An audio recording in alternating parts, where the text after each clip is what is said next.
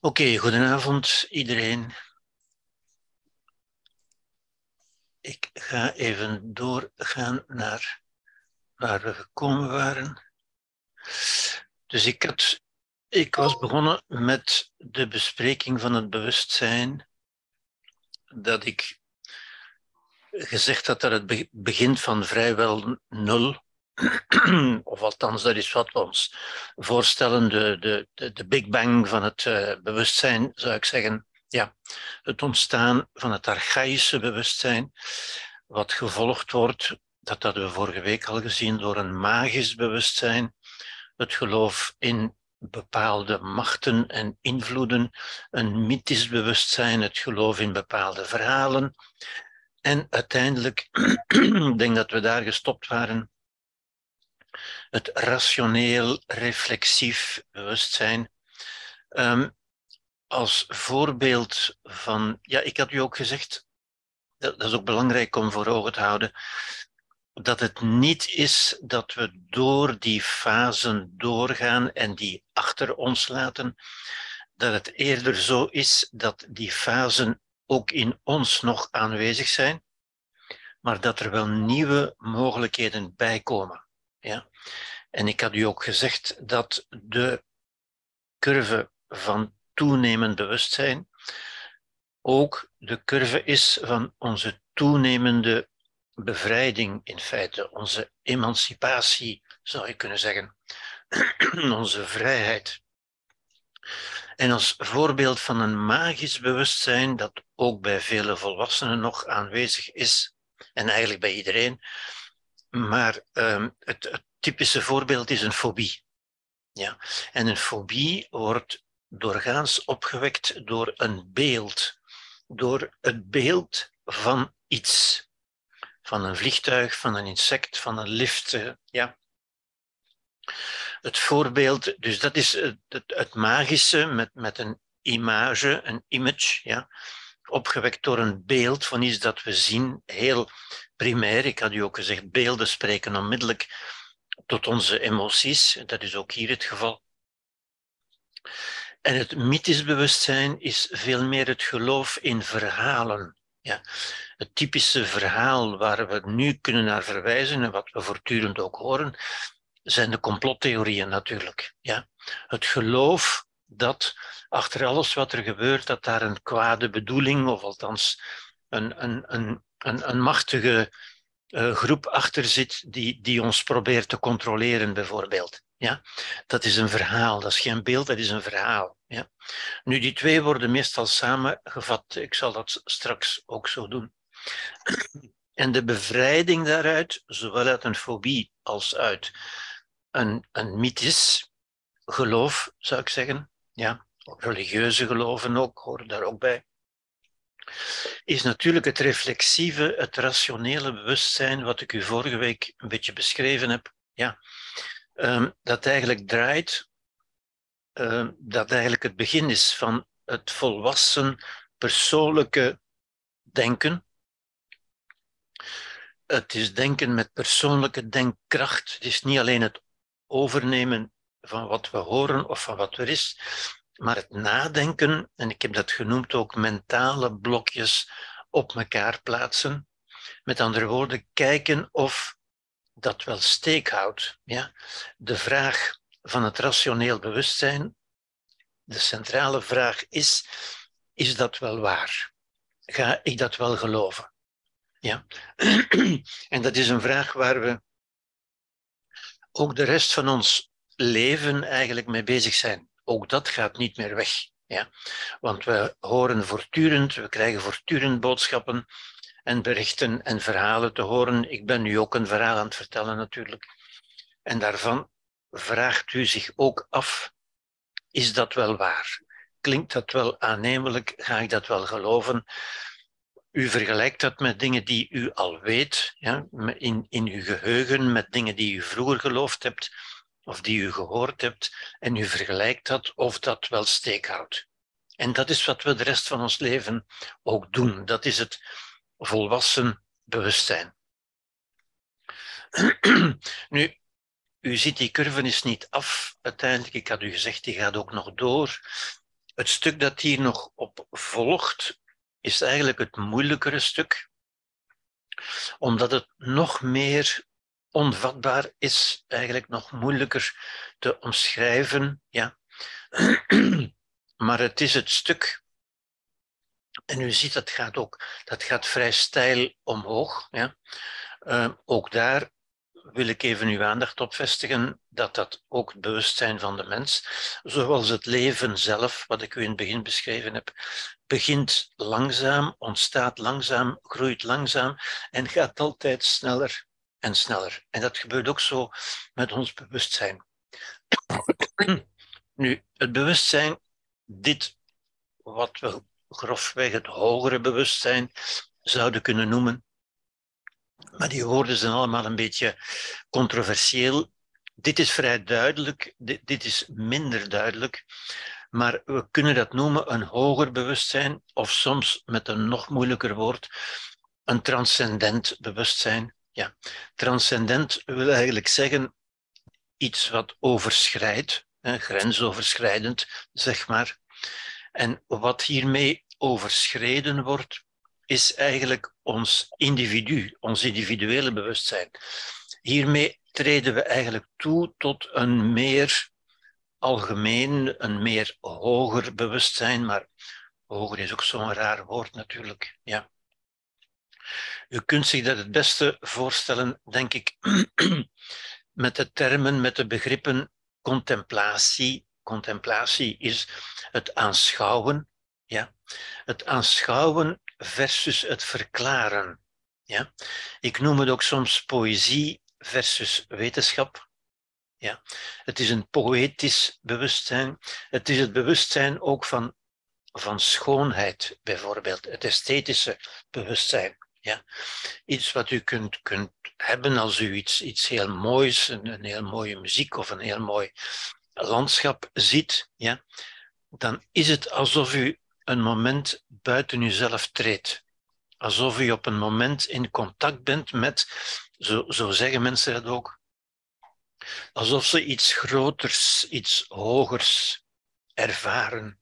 Alsof ze deel hebben aan iets groters. Ja? Ik noem het ook een, een verlangen naar volmaaktheid. Alsof je deel hebt aan iets dat bijna volmaakt is. Ja? Wel, die ervaring die u ook met muziek kunt hebben, bijvoorbeeld. Hè. Met muziek kunt u, kunt u zo, of ik althans, u kunt zich zo afvragen van hoe is dat nu mogelijk dat iets, dat iets zo, zo mooi kan zijn gewoon. Ja?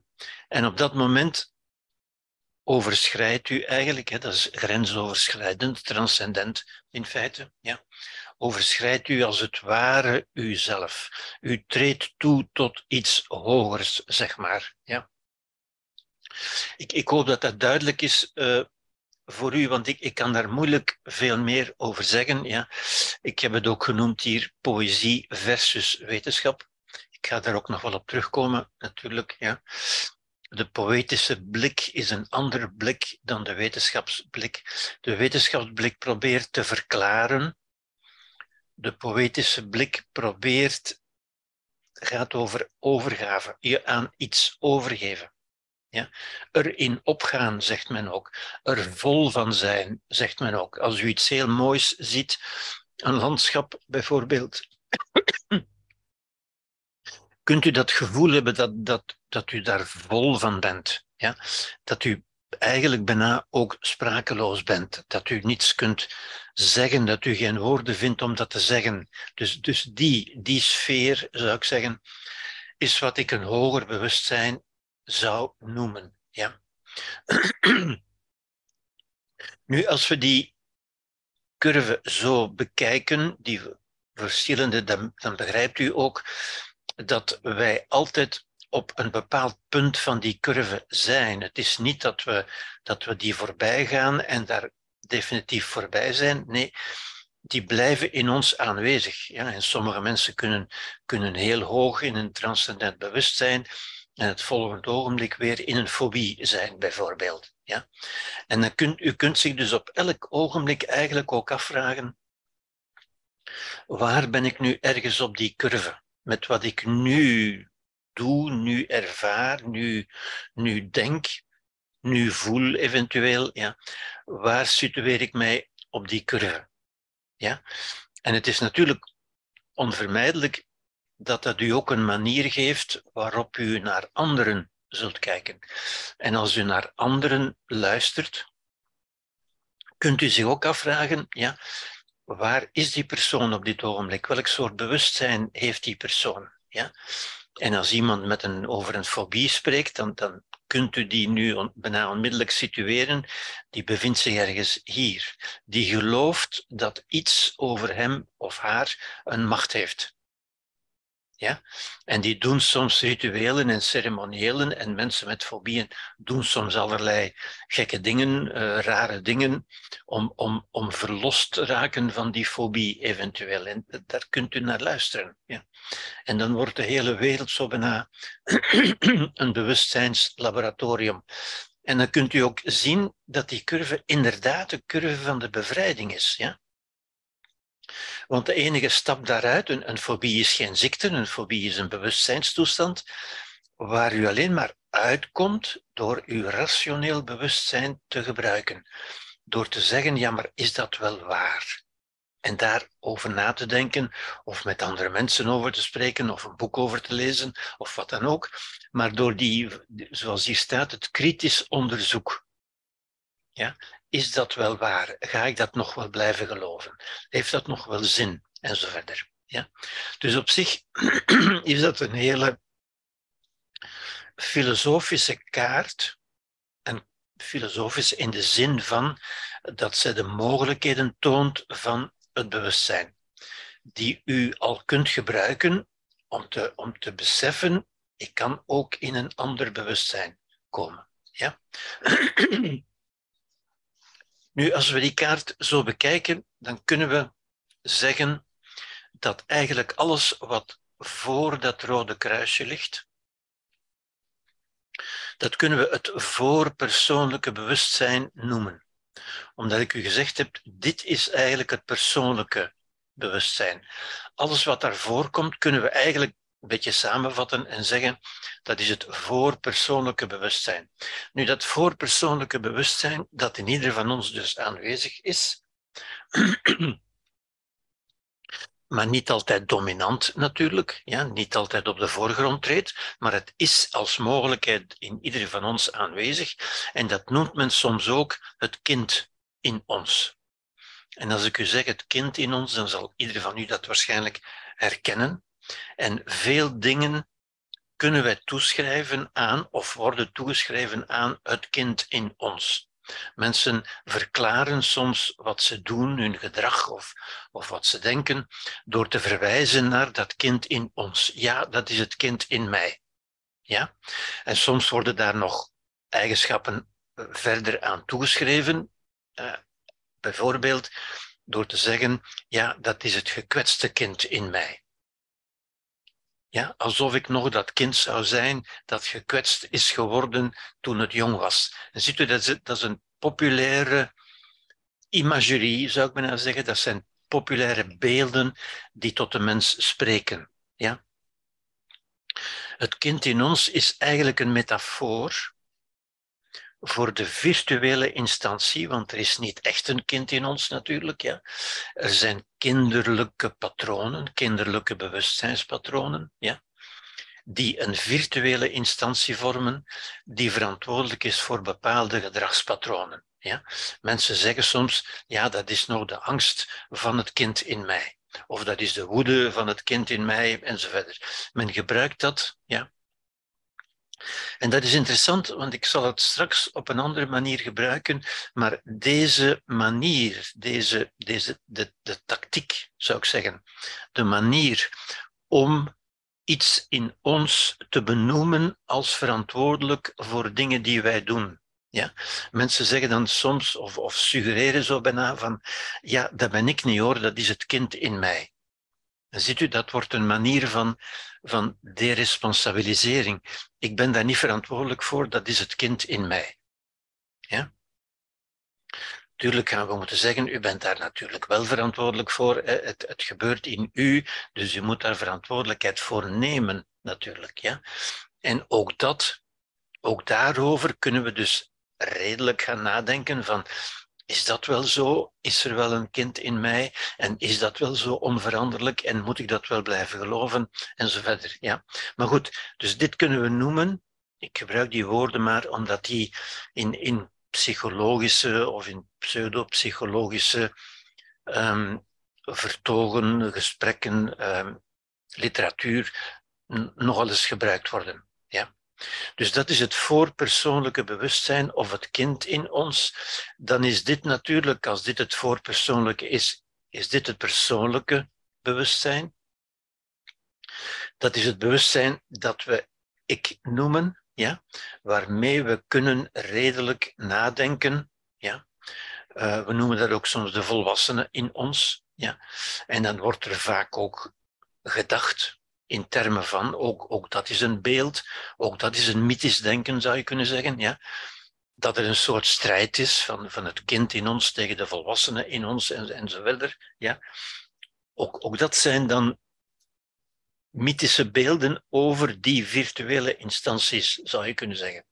Nu, dat persoonlijke ik, het wat we het ik noemen eigenlijk ook, hè, dat is wat wij het, het ik noemen, wat we meestal als het ik ervaren. Ja? En ook het ik is in feite een virtuele instantie in ons die we ons ik noemen. Alsof er een volwassene in ons zou zijn. Dat is natuurlijk ook niet zo. Er zijn alleen maar bewustzijnspatronen die we kunnen benoemen als het volwassene of als het kind in ons. Ja? nu, dat is voor mensen vrij makkelijk uh, te aanvaarden, denk ik, omdat dat ook een beetje tot het populaire bewustzijn behoort, tot het populaire vocabularium.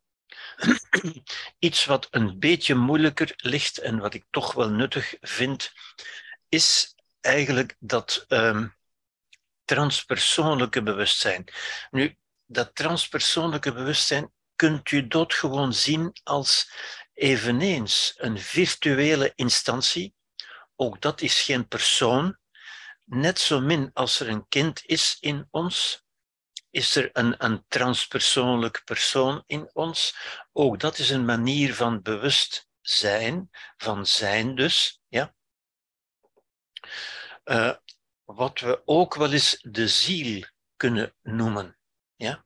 En de ziel is zo een beetje een, een ouderlijk, een ouderwets klinkend woord, dat nogal eens vereenzelvigd wordt met, met religieuze gedachten enzovoort.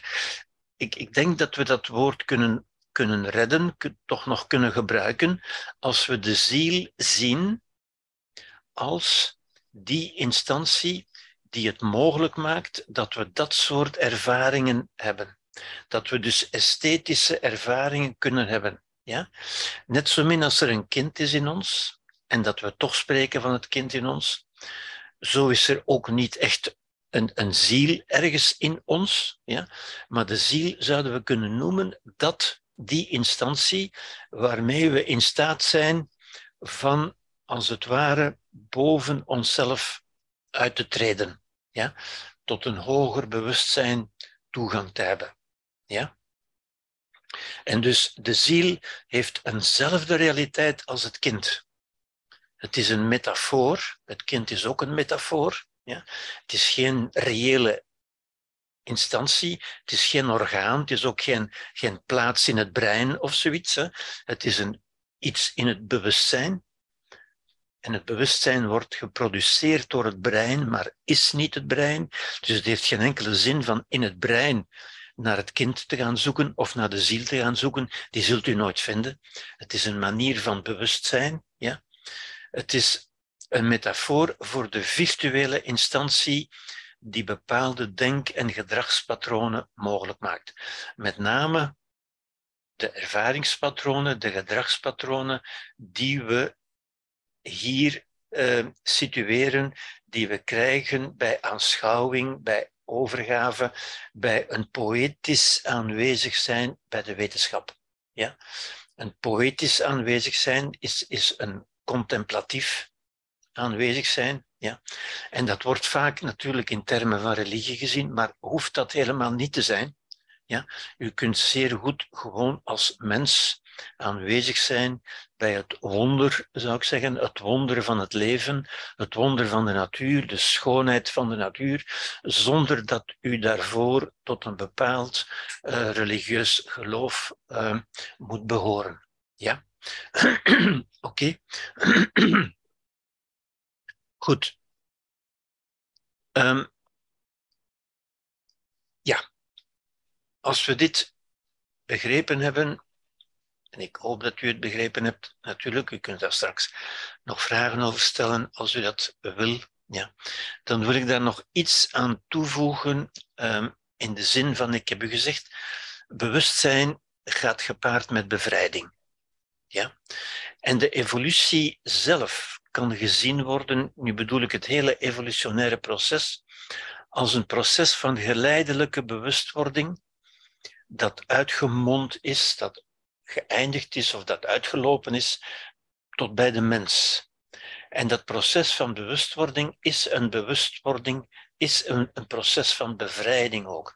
De mens is ook het meest bevrijde wezen, de meest vrije instantie in de hele kosmos, zou je zeggen, in de hele natuur. Ja? Bewustzijn is als een soort vrije energie. En energie betekent eigenlijk alleen maar mogelijkheid hier, een soort vrijheid die de mens door zijn aandacht kan richten. Met andere woorden, waar wij iets kunnen mee gaan doen, als we ons daar bewust van worden. Als we ons bewust worden van die vrijheid, ja. Een steen zou ik zeggen, een steen heeft geen enkele vrijheid. Ja? Een steen heeft ook geen wil, geen bewustzijn en geen vrijheid. Dat we zeggen, zijn gedrag, het gedrag van een steen, wordt volledig bepaald door krachten en factoren uit de omgeving. Als u een steen loslaat, dan valt die onvermijdelijk. Die heeft daar geen enkele wil, geen enkele mogelijkheid in om iets anders te doen. Ja. Met andere woorden, die wordt bepaald door causaliteit, krachten en factoren, ja? door voorspelbaarheid. Ik kan perfect voorspellen waar die steen zal vallen. En dat maakt ook wetenschap mogelijk. Dat is juist waar de wetenschap over gaat. Wetenschap gaat over causaliteit, oorzaak en voorspelbaarheid. En wetenschap geldt perfect voor levenloze dingen zoals stenen. Ja? Wetenschap geldt al veel minder voor levende organismen, omdat levende organismen, alle levende organismen, ook dieren, omdat die een wil hebben, die wil iets, in tegenstelling tot een steen die niets wil, die geen wil heeft. Al wat leeft heeft een wil, een bewustzijn en een vrijheid, beperkt natuurlijk, ja? niet zoveel als de mens, maar ook dieren hebben een wil, een bewustzijn en een vrijheid en kunnen daardoor zelfs de krachten uit de omgeving tegenwerken. En daar ziet u wel het grote verschil. Een steen kan u nooit tegenwerken. Iets wat leeft, uw kat of uw hond of een insect, kan u tegenwerken. Het heeft een wil, een bewustzijn. Met andere woorden, er is geen causaliteit, er is geen voorspelbaarheid. U kunt niet voorspellen wat uw hond zal doen. Er is ook geen wetenschap, met andere woorden. En ik wil daar heel formeel in zijn. Ik zal daar waarschijnlijk nog wel eens op terugkomen, want het is, het is zo belangrijk, zo belangrijk omdat, men, omdat we leven in een tijd waar men ons voortdurend probeert wetenschappelijk um, te, te definiëren de mens wetenschappelijk te benaderen, de mens ook wetenschappelijk te corrigeren, te voorspellen, te behandelen, te genezen, te psychiatriseren enzovoort. Ja? Wel nu, we moeten zeggen, elk een levend organisme heeft een wil, een bewustzijn en een vrijheid. En dat geldt bij uitstek, dat geldt voor alle levende organismen, ook voor planten. Dan is dat natuurlijk heel beperkt voor dieren al veel meer, maar vooral natuurlijk voor de mens. Ja? Waartoe wij dus behoren. Ja? geen wetenschap, met andere woorden. En ik wil dat, dat formeel en radicaal stellen, omdat we voortdurend ook geconfronteerd worden met het falen van de wetenschappelijke benadering van de mens. We leven in een tijd waarin men probeert alles wetenschappelijk te benaderen. Wel nu, voor de mens lukt dat helemaal niet. Een dier kan keuzes maken uit wat concreet aanwezig is. Een dier maakt keuzes in zijn milieu, in wat concreet aanwezig is. Maar de mens is een verbeeldingsmachine, zoals we al gezien hebben. Ja? Een mens leeft niet alleen in zijn concreet aanwezige omgeving, maar ook in zijn verbeelding, zoals ik u in het begin heb gezegd. Ja? Een mens kan zich ook virtuele werkelijkheden inbeelden, werkelijkheden die er niet zijn en waar hij toch kan voor kiezen. Ja? De mens kan met zijn vrije energie, zijn bewustzijn dus, virtuele beelden en voorstellingen omzetten in concrete vormen. Ja? Wij kunnen dingen die we ons inbeelden, omzetten in een materiële vorm. Dat is met andere woorden, de mens maakt, maakt gebouwen, maakt cultuur, met andere woorden, maakt, maakt instrumenten, maakt machines die wij ons eerst inbeelden en die wij vervolgens omzetten in materie, in concrete materiële vormen. Dat is wat de mens doet en wat we cultuur noemen. Ja? Daardoor creëert de mens inderdaad een cultuur. En dat is een creatie van de mens. Ook dat kunnen we niet wetenschappelijk verklaren. Er is geen causaliteit hier. Het is de wil van de mens. De wil om te leven, om iets te doen, om iets te maken, om iets te creëren enzovoort. Ja? En dan zijn we al voorbij de wetenschap. Wetenschap kan ons aantonen wat er is, hoe de dingen zijn, maar kan niet aantonen wat de mens moet doen met die dingen. Ja? Goed. um, tussen 100.000 en 300.000 jaar geleden ontwikkelde Homo sapiens de taal. Dus zo oud is de taal. 100 tot 300.000 jaar geleden. Ja. Die taal die ons totaal verschillend maakt van al de rest dat bestaat. Die ook de basis is voor ons bewustzijn en dus voor onze vrijheid natuurlijk. En voor onze verbeelding. Ja? Het is met taal dat wij beelden oproepen die onze emoties beïnvloeden, die ons gedrag beïnvloeden. Ja? Taal is onvoorstelbaar flexibel. En dat beseffen mensen vaak niet taal bestaat uit een heel beperkt aantal klanken, maar die wij kunnen verbinden tot een oneindig aantal woorden en zinnen. Een oneindig aantal, bijna oneindig aantal talen ook, die elk een oneindig aantal woorden en een oneindig aantal zinnen. Ja? En dan, dan begrijpt u, dan vindt u iets terug van wat ik u in het begin ook heb gezegd over het brein. um, iets van die 100 miljard neuronen, maar van dat miljoen miljard verbindingen. Ja, wel iets van die, van die eindeloze complexiteit vinden we hierin terug. Bijvoorbeeld in onze taal. Ook in muziek natuurlijk, maar ook in onze taal. Ja? Met een beperkt aantal klanken, de mens kan maar een beperkt aantal klanken voortbrengen en toch kan hij daarmee Nederlands en Frans en Spaans en Chinees en Russisch spreken. En in al die talen heeft hij een oneindig aantal woorden, ja, waardoor een enorme, complexe mentale wereld ontstaat. Een mentale verbeelding. Ja? Onze verbeelding is ook bijna, bijna eindeloos, zouden we kunnen zeggen. Ook dat is een mysterie waar we, waar we oog kunnen voor hebben, waar we op een poëtische manier bijna kunnen naar kijken. Wat we ook wetenschappelijk weer niet kunnen begrijpen. Hoe dat mogelijk is gewoon. Ja? Daardoor kunnen wij, dat stelt ons in staat om makkelijk informatie te delen over de wereld, door dat te benoemen, door, door informatie te benoemen, te ordenen, te categoriseren.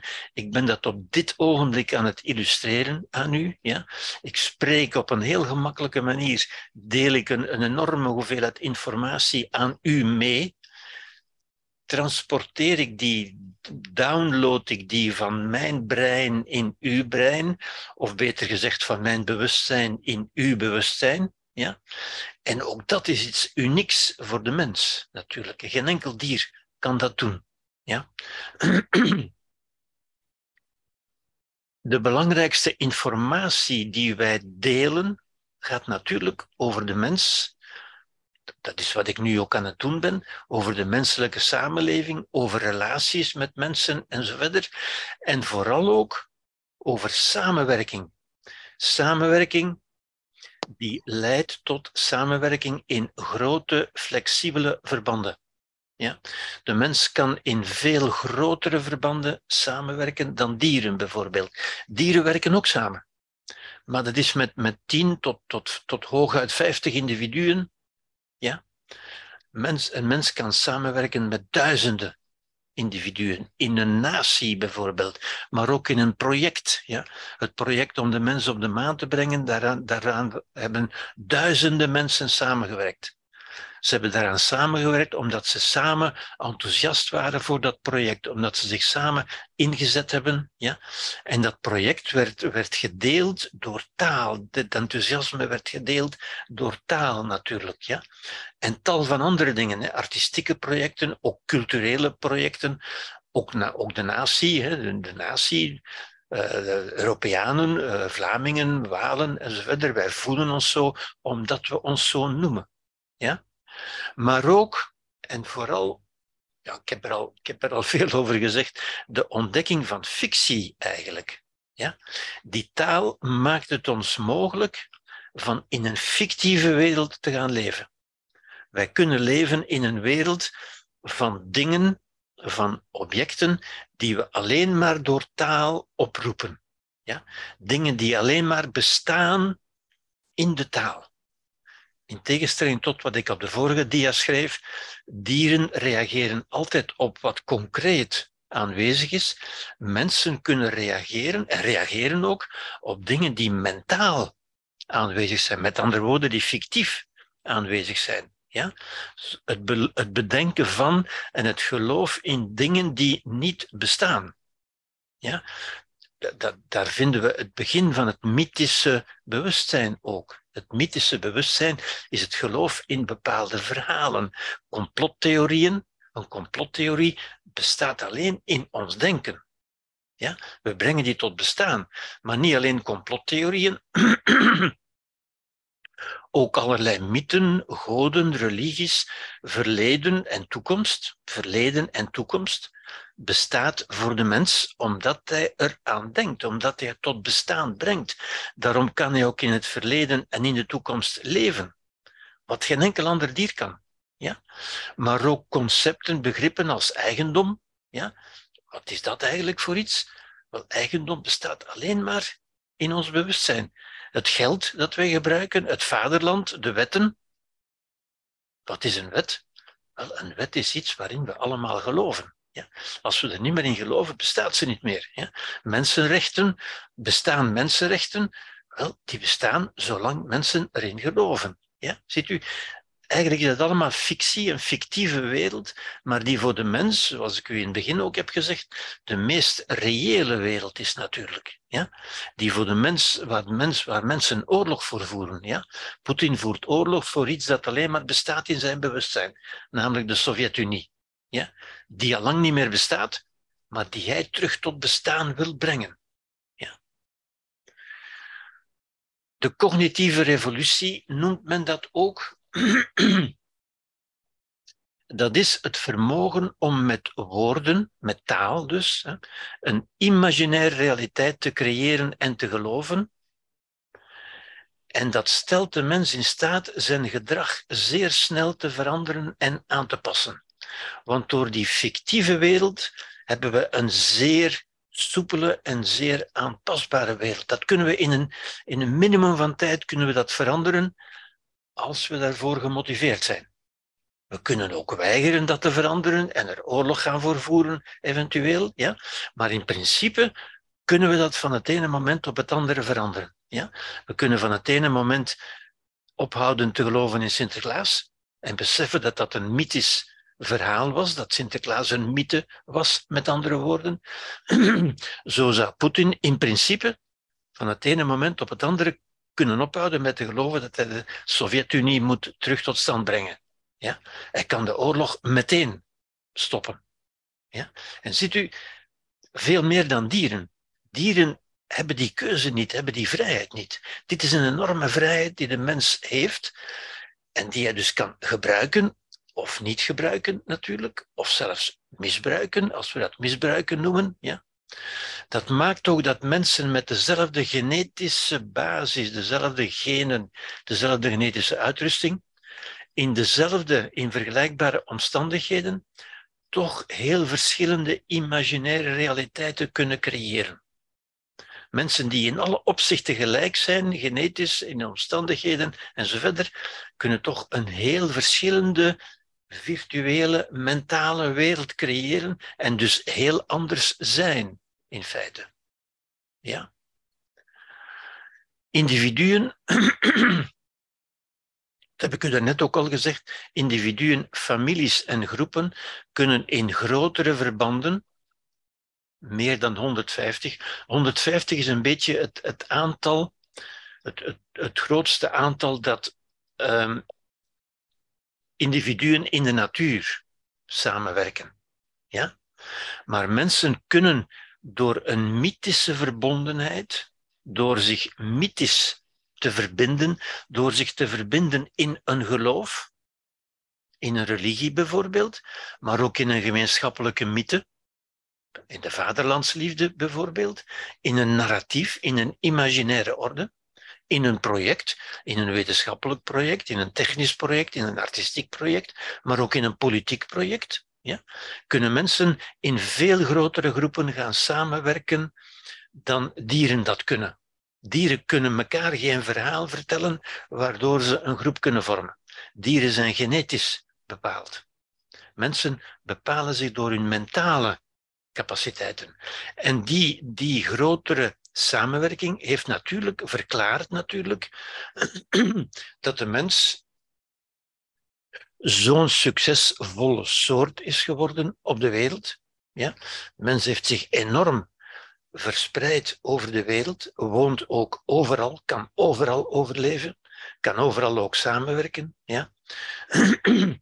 Zelfs in die mate dat hij in zekere zin ten nadele van de natuurlijke bewoners en van de planeet zelf kan gaan worden. Maar goed, dat is natuurlijk een ander, een ander debat. Oké, dus ik wil u even um, ja, toch ook een beetje uw, uw, verwondering wekken, uw, uw, verwondering opwekken voor dat, voor dat machtige instrument dat wij in onze schedeldoos hebben, eh, waarvan ik u heb gezegd, die, die anderhalve kilo uh, amorfe, amorfe massa weefsel, ja, slappe massa, massa weefsel, ja, is, is de drager van dat kolossale bewustzijn. Ja. Onze hersenen zitten in onze hersendoos, in onze schedel, maar met ons bewustzijn kunnen wij overal zijn, in de ruimte en ook in de tijd. Ja. Goed. Dit zijn dingen waar bijvoorbeeld Yuval Noah Harari, de man van, van Homo sapiens en van Homo Deus, um, interessante dingen over geschreven heeft. Ja. Oké.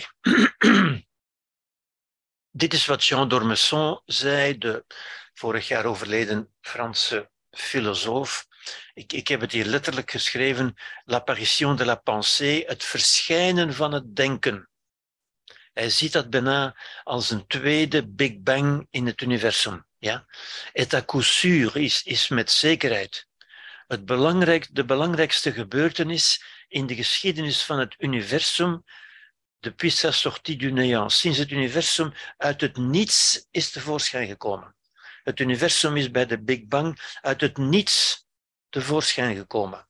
Ja?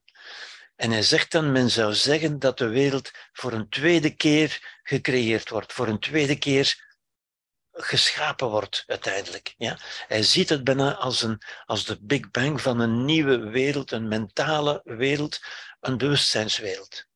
Ja?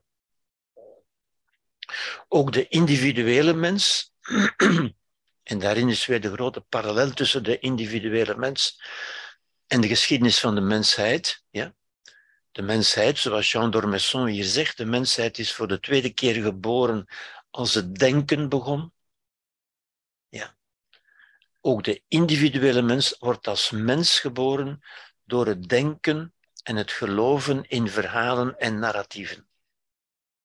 Ja, dat is wat ons bepaalt als mens. Dat is ook wat maakt dat er geen natuurlijke levenswijze is voor de mens. Er is voor de mens geen natuurlijke levenswijze. Wij kunnen wel denken dat wij op een natuurlijke wijze gaan leven en dan gaan we leven zoals we denken dat, dat, dat de eerste mensen of dat de dieren geleefd hebben. Maar voor de mens zijn er uiteindelijk alleen maar culturele mogelijkheden. Wij ontsnappen daar niet meer aan. Ja? De mens leeft altijd met twee realiteiten. De fysieke en de imaginaire die ik u in het begin ook besproken heb. Ja? Het, het parlement van de mens, weet u nog? Ja? Dat is de imaginaire realiteit, als u wil. En daar is geen ontsnappen meer aan. wij, kunnen, wij kunnen nooit meer doen, wij kunnen nooit meer leven alsof we geen bewustzijn zouden hebben. Ja? Ik probeer dat soms wel eens mij voor te stellen, maar ook dat is dan alleen maar een voorstelling. Dat wil zeggen, in mijn bewustzijn. Ik moet mijn bewustzijn gebruiken om mij te proberen voor te stellen hoe het zou zijn om zonder bewustzijn te leven. En ik probeer me dat voor te stellen als ik kijk naar mijn kat, die gewoon zit te kijken naar de dingen. En dan probeer ik me in te denken, hoe, hoe zou dat zijn als ik nu alleen maar naar de dingen zou kijken die er zijn en daar niets zou bij denken. Daar geen enkel idee zou bij hebben. Nu, u, begrijpt al zo dat dat lukt gewoonweg niet. Ja? Maar goed, ik, ik kan mijn bewustzijn gebruiken om, om te proberen mij dat voor te stellen. Hoe het zou zijn van geen bewustzijn te hebben. Maar u snapt, er is geen uitweg uit de imaginaire orde. Ja? Uit, uit de verbeeldingswereld. Wij leven voortdurend in die verbeeldingswereld. Ja? Goed. Na dit een beetje filosofische stuk wil ik terug, uh, terug een beetje meer concreet maken, zou ik zeggen. Ja. En ik ga u eigenlijk nogmaals hetzelfde opnieuw vertellen, maar op een andere manier. Hetzelfde omdat het altijd teruggaat over de mens. De mens en de mens in de samenleving natuurlijk. Ja over filosofisch nadenken over de mens. Met andere woorden, over visies, dat we zeggen filosofische visies, filosofische kaarten van het, te bereizen gebied, als u zich herinnert. Ja? En het te bereizen gebied is altijd het leven, de mens en het leven. Ja? En ik noem dit stuk, en ik ga u alleen maar dingen die u nu al weet eigenlijk op een andere manier voorstellen. Ik noem dit acteurs in het bewustzijn. We hebben het over het bewustzijn gehad, uitgebreid. Ja. En met, met de theatermetafoor, alsof het een theater zou zijn, ja, het, zie ik het bewustzijn een beetje. Hier is het bewustzijn dat we nu kennen, dat u nu kent. En dat is een, ik beschouw dat een beetje als het decor waar wij niet uit kunnen. We zitten altijd ergens op dat bewustzijn in die bewustzijn. En we kunnen ons bewust worden van het punt van ons bewustzijn waar we op zitten. Dit is een afbeelding van, van de mogelijkheden van het bewustzijn. Ja? Maar ergens zijn we altijd concreet op een bepaalde plaats. Nu, dat bewustzijn is een beetje, zie ik een beetje als het decor van een, een toneelstuk, zeg maar, ja? waarin ons leven zich afspeelt. Een toneelstuk, een stuk dat over ons leven gaat. Ja? En waarin ik twee belangrijke acteurs beschrijf. Ja? Acteurs die ik eigenlijk al beschreven heb, maar die ik nu terug in een bepaalde context bij elkaar wil brengen. En de eerste is, de eerste acteur is, dat zijn onze emoties. Ja, ik heb het daar uitgebreid over gehad. Um, ik heb emoties ook het langzame denken genoemd, als u dat nog weet. Ja? De langzame informatieverwerking. Ja? Emoties die altijd gericht zijn op een actie, op iets doen. Ja? Dat is wat ons aanzet, de informatieverwerking, het denken. Emoties zijn ook denken, heb ik u gezegd. Maar wij ervaren ze als een aanzet tot iets doen. Met andere woorden, ze zijn gericht op iets. Ja?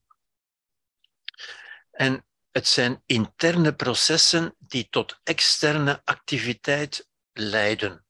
Ze zijn gericht op iets doen. Ja?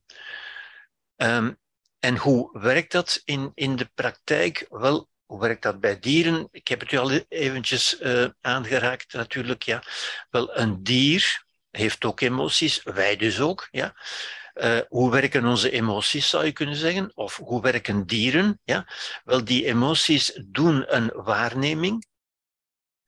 Iets, iets komt uit de, uit de buitenwereld, wordt bij ons binnengebracht in zekere zin niet de feiten natuurlijk, maar een afbeelding daarvan, een voorstelling van de, van de, van de feiten. Dit is in de buitenwereld. Dus u moet u voorstellen, wat buiten de curve ligt, is de buitenwereld. Wat binnen de curve ligt, is de binnenwereld. Ja? Wij doen, en dat doen wij dus ook, wij doen een waarneming, wij nemen iets waar. Wij nemen dat in ons op. Wij doen daar iets mee, wij maken daar een emotie mee. En met die emotie gaan we iets doen. Iets doen met de bedoeling meestal van iets te doen aan dat wat we hebben waargenomen. Gericht op altijd, zoals ik in het begin ook heb gezegd, op de overleving. Dit is ons primaire, ons basale overlevingsmechanisme. Wij nemen iets waar, we hebben daar een emotie over, we voelen daar iets van, zeggen wij. Ja? Het wordt in ons verwerkt, met andere woorden, en wij willen daar iets mee doen. Ik heb het u ook beschreven, denk ik. We willen gaan vluchten of gaan vechten of bevriezen. Ja, één daarvan. Dat is het basale mechanisme, zoals het ook bij ons werkt. Ja? Maar bij ons is er natuurlijk iets meer, heb ik u gezegd. De mens is niks kwijt, de mens heeft iets bijgekregen. Hè? Namelijk, ja, emoties reageren op beelden nogmaals, hè, beelden spreken tot de, de emoties, ja. het snelle denken, ja.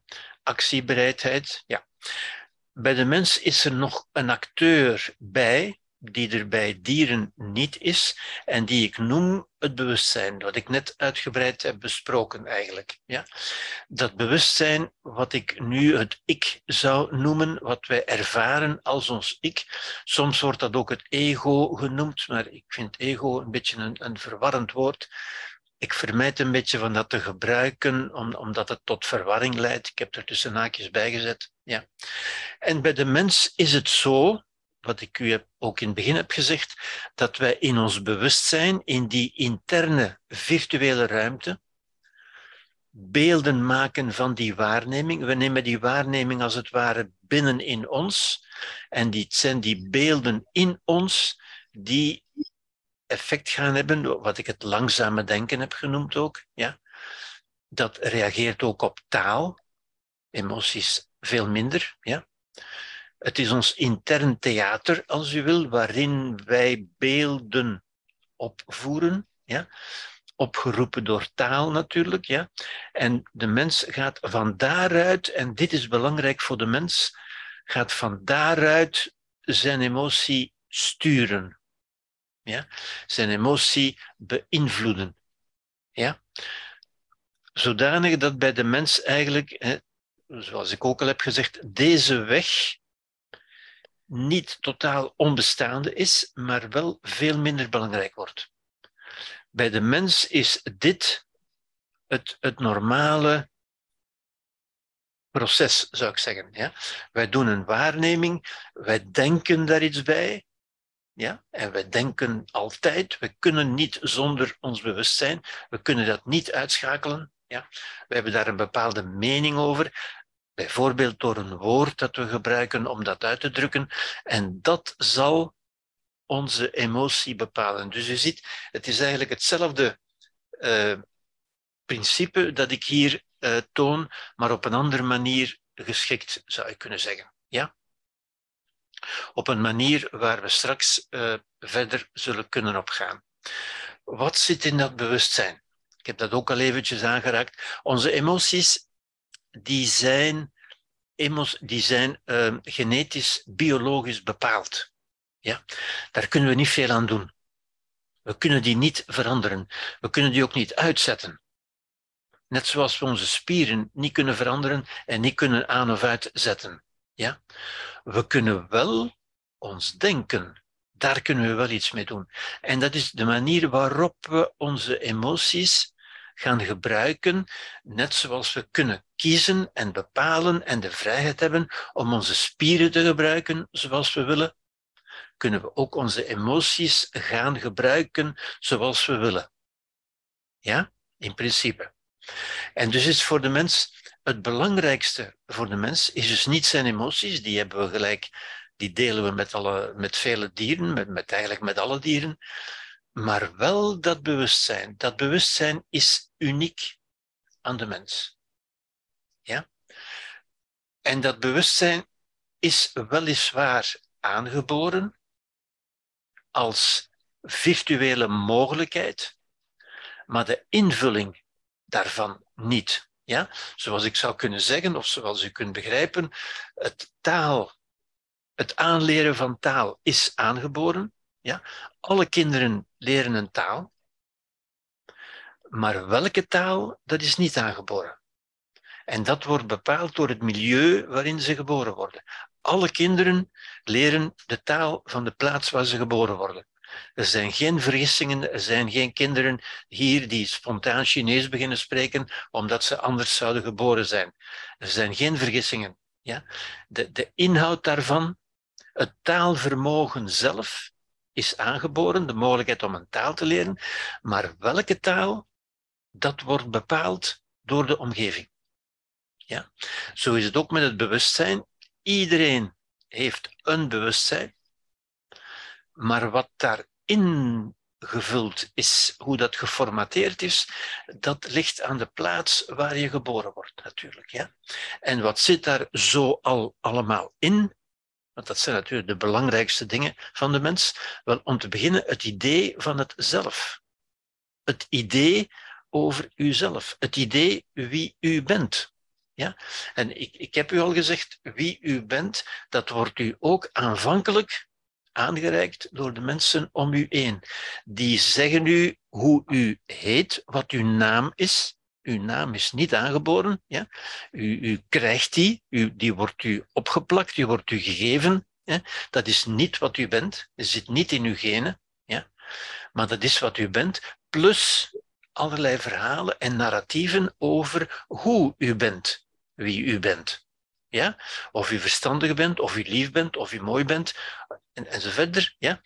Zijn dingen die aanvankelijk meegedeeld worden door de mensen om u heen. Ja? U kunt dat natuurlijk zelf achteraf, hè, eens u tot redelijk bewustzijn bent gekomen, kunt u ook daar gaan over nadenken. En kunt u dat gaan wijzigen natuurlijk, maar aanvankelijk wordt het in u ingebracht. Ja?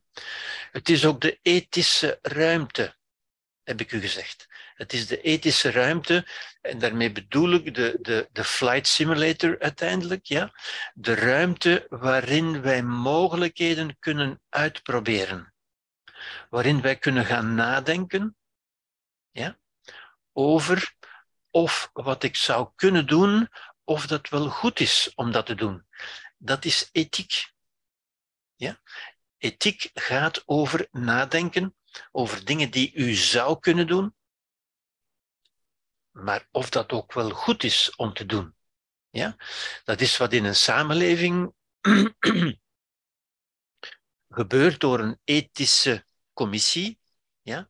Ethische commissies moeten nadenken over of wat we kunnen doen, of we dat wel mogen doen. Ja? En u weet dat bijvoorbeeld, hè? er is zo de ethische commissie over, over abortus, er is er ook een over euthanasie. En ziet u, zodra dingen mogelijk worden, moeten we gaan nadenken waar en wanneer en met wie en op welke manier kunnen we dat en mogen we dat doen. Wel, dat is ook in onszelf, ja? Ons, en dat is onze ethische ruimte, die zodra we iets kunnen doen, ik zou mijn buurman kunnen vermoorden, ik zou die gsm kunnen stelen, maar ga ik dat ook doen? Ja? Ik zou iemand kunnen, kunnen gijzelen, bijvoorbeeld, ja? maar ga ik dat wel doen? Is dat wel een goed idee om dat te doen? Ja? En u ziet, de meeste mensen denken daar op een soortgelijke manier over. En dat is ook wat een cultuur vormt. Ja? Wij, wij vormen een cultuur en wij voelen ons aan elkaar verwant en we voelen ons begrepen en zelfs verbonden, hè, dat, dat mythische woord uh, verbonden, ja, we voelen ons verbonden omdat de meeste mensen om ons heen dezelfde dingen goed en niet goed vinden. Dat is ook juist wat een, wat een gemeenschap maakt, wat een beschaving maakt, wat een groep maakt. En dat maakt ook dat we wantrouwig zijn tegen mensen uit andere groepen. Want daar kunnen we niet zomaar op vertrouwen dat die dezelfde dingen goed en niet goed gaan vinden. Dat is de basis voor ons, voor ons racisme, dat wantrouwen, dat biologisch is. Ja? Naar mensen die er anders uitzien, mensen met een andere huidskleur. Ja? Dan worden we automatisch biologisch wantrouwend. Ja? Zijn die wel zoals wij? Kunnen we die wel vertrouwen? Met andere woorden, hebben die wel dezelfde waarden als wij? Ja? Nu, het, begrip waarden, daar ga ik nu niet verder op in. Dat is bijvoorbeeld iets wat in deel 2 uh, eh, tot, meer tot uiting zal komen. Ja? Maar u ziet hoe belangrijk dat, dat hier is natuurlijk. Hè? Het, is ook, het zijn ook oordelen en projecties zoals men zegt, op het scherm van de wereld. Het is wat wij projecteren op de wereld. Ja? Zoals, de, zoals de Boeddha ook zei, door onze taal vormen wij, ontstaat er een scherm tussen ons en de wereld. En op dat scherm projecteren wij onze oordelen, onze vondsten, met andere woorden. Ja, wat wij vinden van de wereld. Ik vind die sympathiek en die is niet sympathiek en dat vind ik leuk en dat vind ik niet leuk. Dat zijn onze oordelen die wij projecteren op de wereld. Wij plakken die klevers eigenlijk op de wereld. Wij delen de wereld in volgens onze oordelen. Ja? Het is ook de identiteit, het is ook de vraag wie wil ik zijn. Ja? Niet alleen wie ben ik, maar wie wil ik voortaan gaan zijn? Ja? Hoe wil ik mijn leven verder? Ja, dat is onze mogelijkheid om aan de toekomst te denken. Ja? Hoe wil ik mijn leven verder vormgeven? Hoe wil ik mij in de toekomst projecteren? Ja? Het zijn ook onze intenties, onze bedoelingen. Wat wil ik doen in dit leven, met mijn leven? Het zijn ook onze verlangens, onze waarden, onze normen. Ja? Waarden zijn wat we belangrijk vinden. Normen zijn in zekere zin de, de grenzen die we onszelf en anderen stellen. Ja? Normen zijn eigenlijk ook waarden, maar waarden die niet overschreden mogen worden. Ja?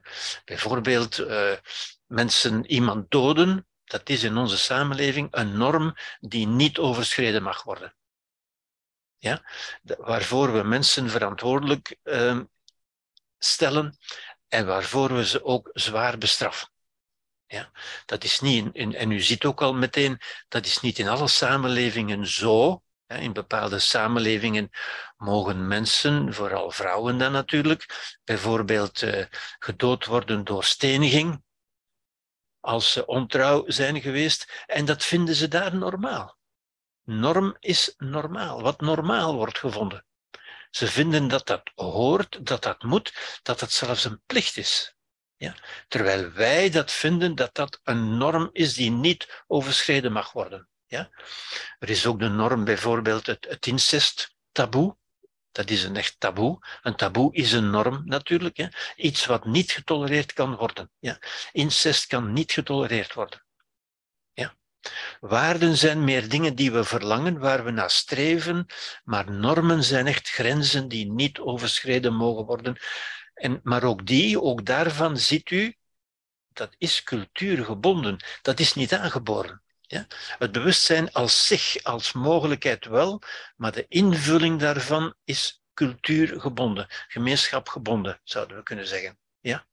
Het zijn ook onze interne voorstellingen, onze mythen, onze overtuigingen, onze zienswijzen, onze theorieën. Theorie is een manier van kijken. Ja?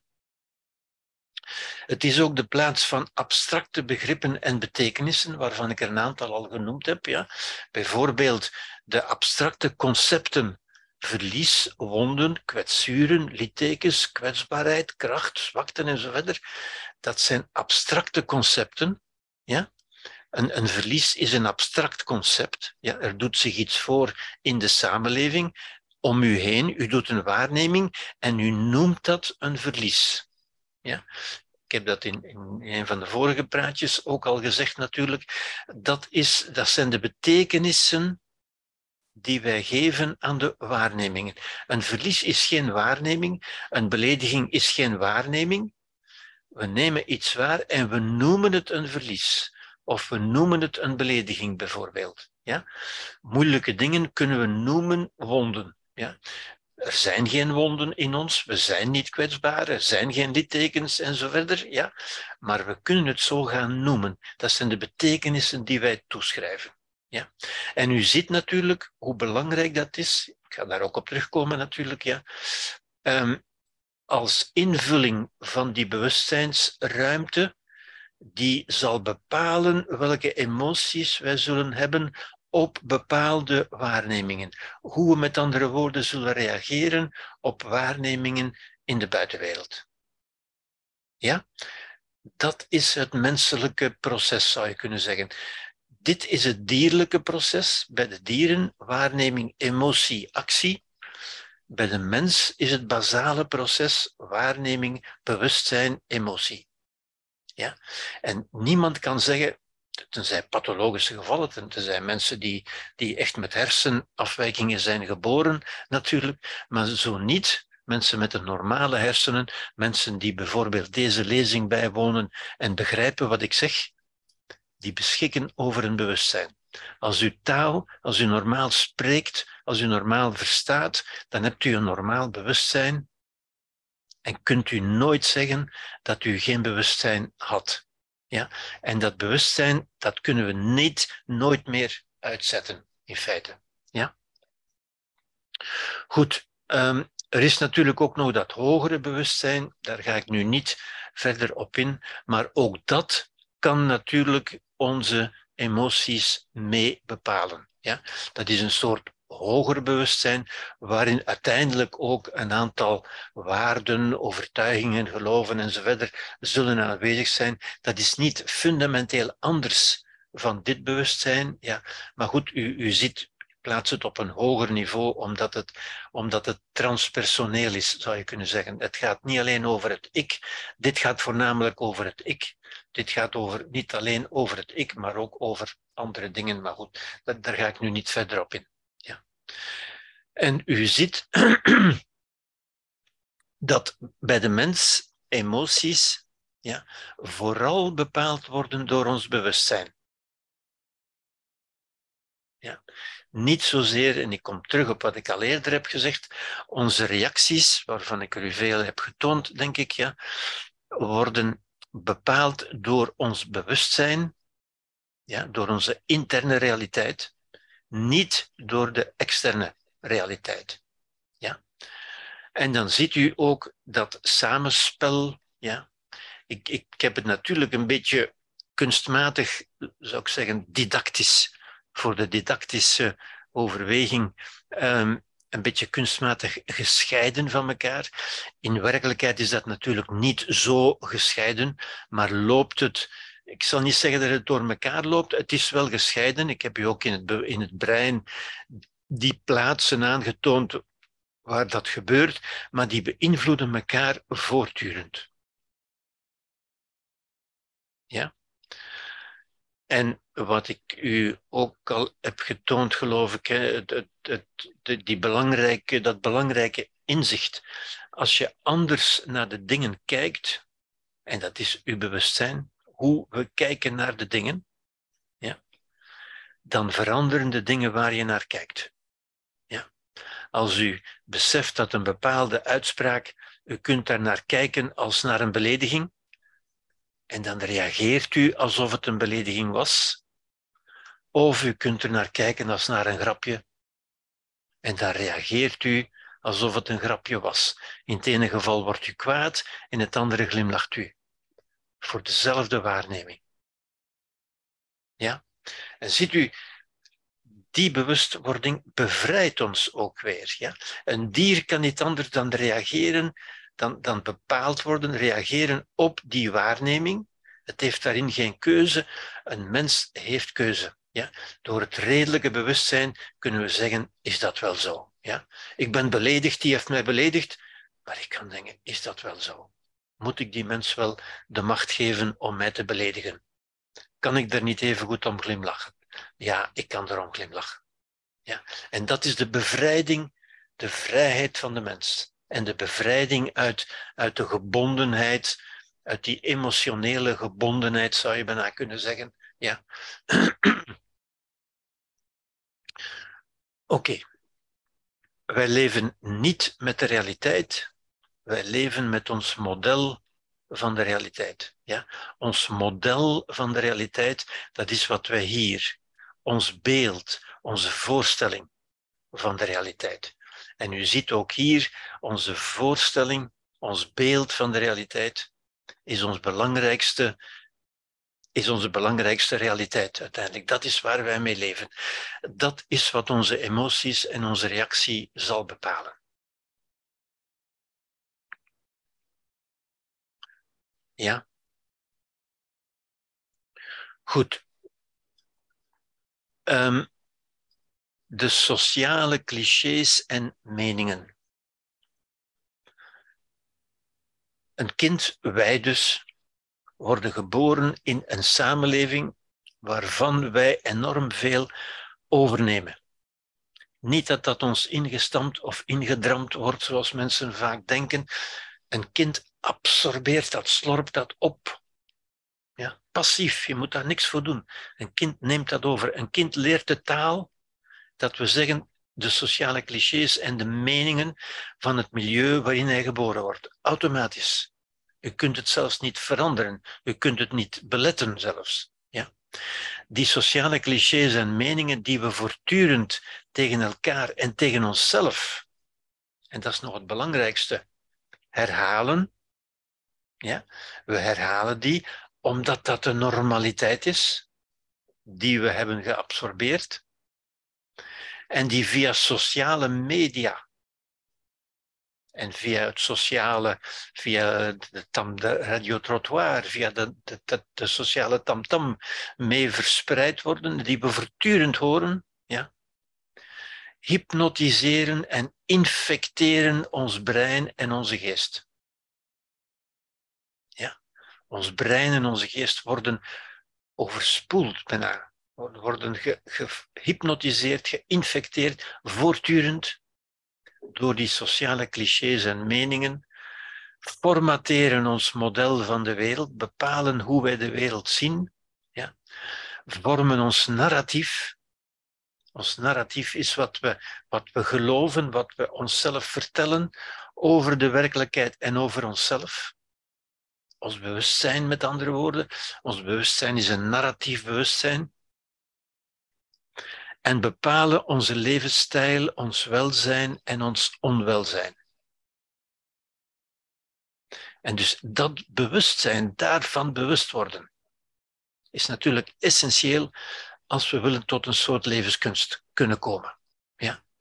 Zoals wij fysiek gevangen zijn in een lichaam, en dat, dat is ook zo natuurlijk. We zijn gevangen in een lichaam. U kunt daar niet buiten treden. en geprocessed worden in de sociale machine, in de sociale omgang, worden wij voortdurend beïnvloed, gehypnotiseerd, geformateerd, geprocessed zou je kunnen zeggen. Ja. Zijn we geestelijk gevangen in een model van de werkelijkheid? En daarin zitten we gevangen, zij het enigszins minder gevangen dan in ons lichaam, want we kunnen daar wel degelijk buiten treden. Maar het kost ons geen kracht, maar wel wijsheid. Bewustzijn en wijsheid. Ja? Tenzij we ons bewust worden dat we zelf er de architect van kunnen worden. Ja? We kunnen dat zelf formateren, beïnvloeden, wijzigen. Ja. En een mooi plaatje daarover vind ik dit. dit is een beetje de, de sociale machine, zou ik zeggen. Ja. We beginnen het leven hier, life staat hier, het leven. We komen hier ter wereld. Ja. We worden geprocessed in de school, in de samenleving, door de ouders, in de school en zo verder. We gaan verder naar de werkplaats, het sociale milieu, zeg maar. Ja. We gaan verder naar onze familiebanden, onze, ons sociale leven en zo verder. Ja. Tot we uiteindelijk verder gaan naar ons graf. En zo worden we voortdurend verwerkt, geprocessed, vermalen in een sociale machine. Ja. Tenzij, en u ziet dat mannetje hier, dat, er, dat gaat lopen, ja. dat kunnen wij ook zijn. Ja. Maar dan komen we natuurlijk, en dit, dit zou bijna een Chinese werkelijkheid kunnen zijn, dan komen we onmiddellijk in de schijnwerper van, van Big Brother die, die naar ons kijkt. Ja. Naar de partij in China, maar naar de, naar de sociale partij, zouden we kunnen zeggen, ja, die, die bij ons voortdurend naar ons kijkt. Dan worden we heel snel als afwijkend, als, als ongewenst, als ziek of als crimineel uh, bestempeld en zo verder. Ja. Het is lastig, het is lastig ja, om uit die sociale processing uit te stappen, eigenlijk. Ja. Goed. We zijn 20 uur 43. Ik stel voor dat we eventjes onderbreken. Ik zou zeggen tot 20 uur 50. Ja? Dus ik. This meeting is being recorded. Oké. Okay. Het is 20 uur 50. We gaan verder met dit praatje. En dan komen we uiteindelijk na al die inleidende beschouwingen en overwegingen en inzichten, zou ik zeggen, komen we uiteindelijk tot wat, wat ik de strategie van het geluk zou noemen, ja? Um, waarin al die elementen gaan samenkomen. En ik begin weer opnieuw met ons bewustzijn. Ja? Um, ik noem dit de logica van lijden en welzijn. En het is belangrijk, alles wat ik heb, aangebracht tot dusver, moet leiden tot het inzicht dat lijden en welzijn een logica hebben. Ja? Het zijn niet dingen die u zomaar overvallen of waar u in valt. Het heeft een logica. Ja? Geen wetenschap, dat is iets anders, ja? maar een logica. Niet de logica, maar een logica. Ja? Dat we zeggen, een te begrijpen sequentie van gebeurtenissen. Ja? En ik ga weer uit van het decor, wat ik genoemd heb, namelijk ons bewustzijn. Althans, de verschillende bewustzijnstoestanden ja, die het decor vormen, waartegen, waarbinnen ons leven zich afspeelt. En u kent de acteurs natuurlijk nu al. Dat zijn onze emoties. Emoties die ik hier heb genoemd de wil tot handelen. En ons bewustzijn, ja, dat ik noem ons, ons denkatelier, de plaats waarin wij ons denken, ontwerpen, creëren, overwegen, ja, of ons intern theater, als u wil. Ja. Dat zijn de twee grote acteurs in ons bewustzijn. Ja. Um, en als u mij tot dusver gevolgd hebt, dan begrijpt u nu ook dat um, het bewustzijn, of dat we althans onze emoties, kunnen we indelen ja, um, Emoties kunnen we op een eenvoudige manier indelen in twee grote categorieën, zou ik zeggen. Ja? Waarvan de eerste hier in het rood is aangegeven. En daarmee, daarin uh, vervat ik alle categorieën, alle emoties die leiden tot verwijdering. Ja? En omdat emoties altijd gericht zijn op een actie, zoals ik u uh, heb getoond, kunnen we, ons, kunnen we emoties ook altijd begrijpen als we ons afvragen waartoe zet die emotie mij aan? Welke actie wordt door die emotie aangegeven, ingezet? Tot, tot welke actie word ik uitgenodigd? Ja? En dan zijn er twee grote bewegingen. En de eerste is uh, de emoties van verwijdering, die gericht zijn op de actie van verwijdering. Iets dat ik uit mijn leven wil verwijderen. Dat zijn natuurlijk de emoties van angst, van woede, van haat, van wrok. Ja? Die gericht zijn op, die gepaard gaan met, die gericht zijn op verwijdering, maar die gepaard gaan met onwelzijn. Ja? Waarom wil ik die verwijderen? Wel, om, om, die, om dat onwelzijn op te heffen, juist. Ja? Het zijn emoties die gericht zijn op het opheffen van de verwijdering door op, op het opheffen van het onwelzijn, pardon, door het creëren van verwijdering. Ja? Verwijdering kunnen we tot stand brengen door ofwel het object van mijn, van, van mijn onwelzijn of de oorzaak van mijn onwelzijn verderaf te, te verjagen, te verjagen. Ja? Dat doen we met woede bijvoorbeeld, als we ons boos tonen, of als een dier zich boos toont, dan heeft het de bedoeling, het heeft een bedoeling, een wil, het wil iets, namelijk de ander verjagen, de ander verwijderen. Als men van mening is dat de ander sterker is dan ik, dat ik hem niet kan verjagen, wel dan ga ik zelf lopen. En dat is de emotie van angst.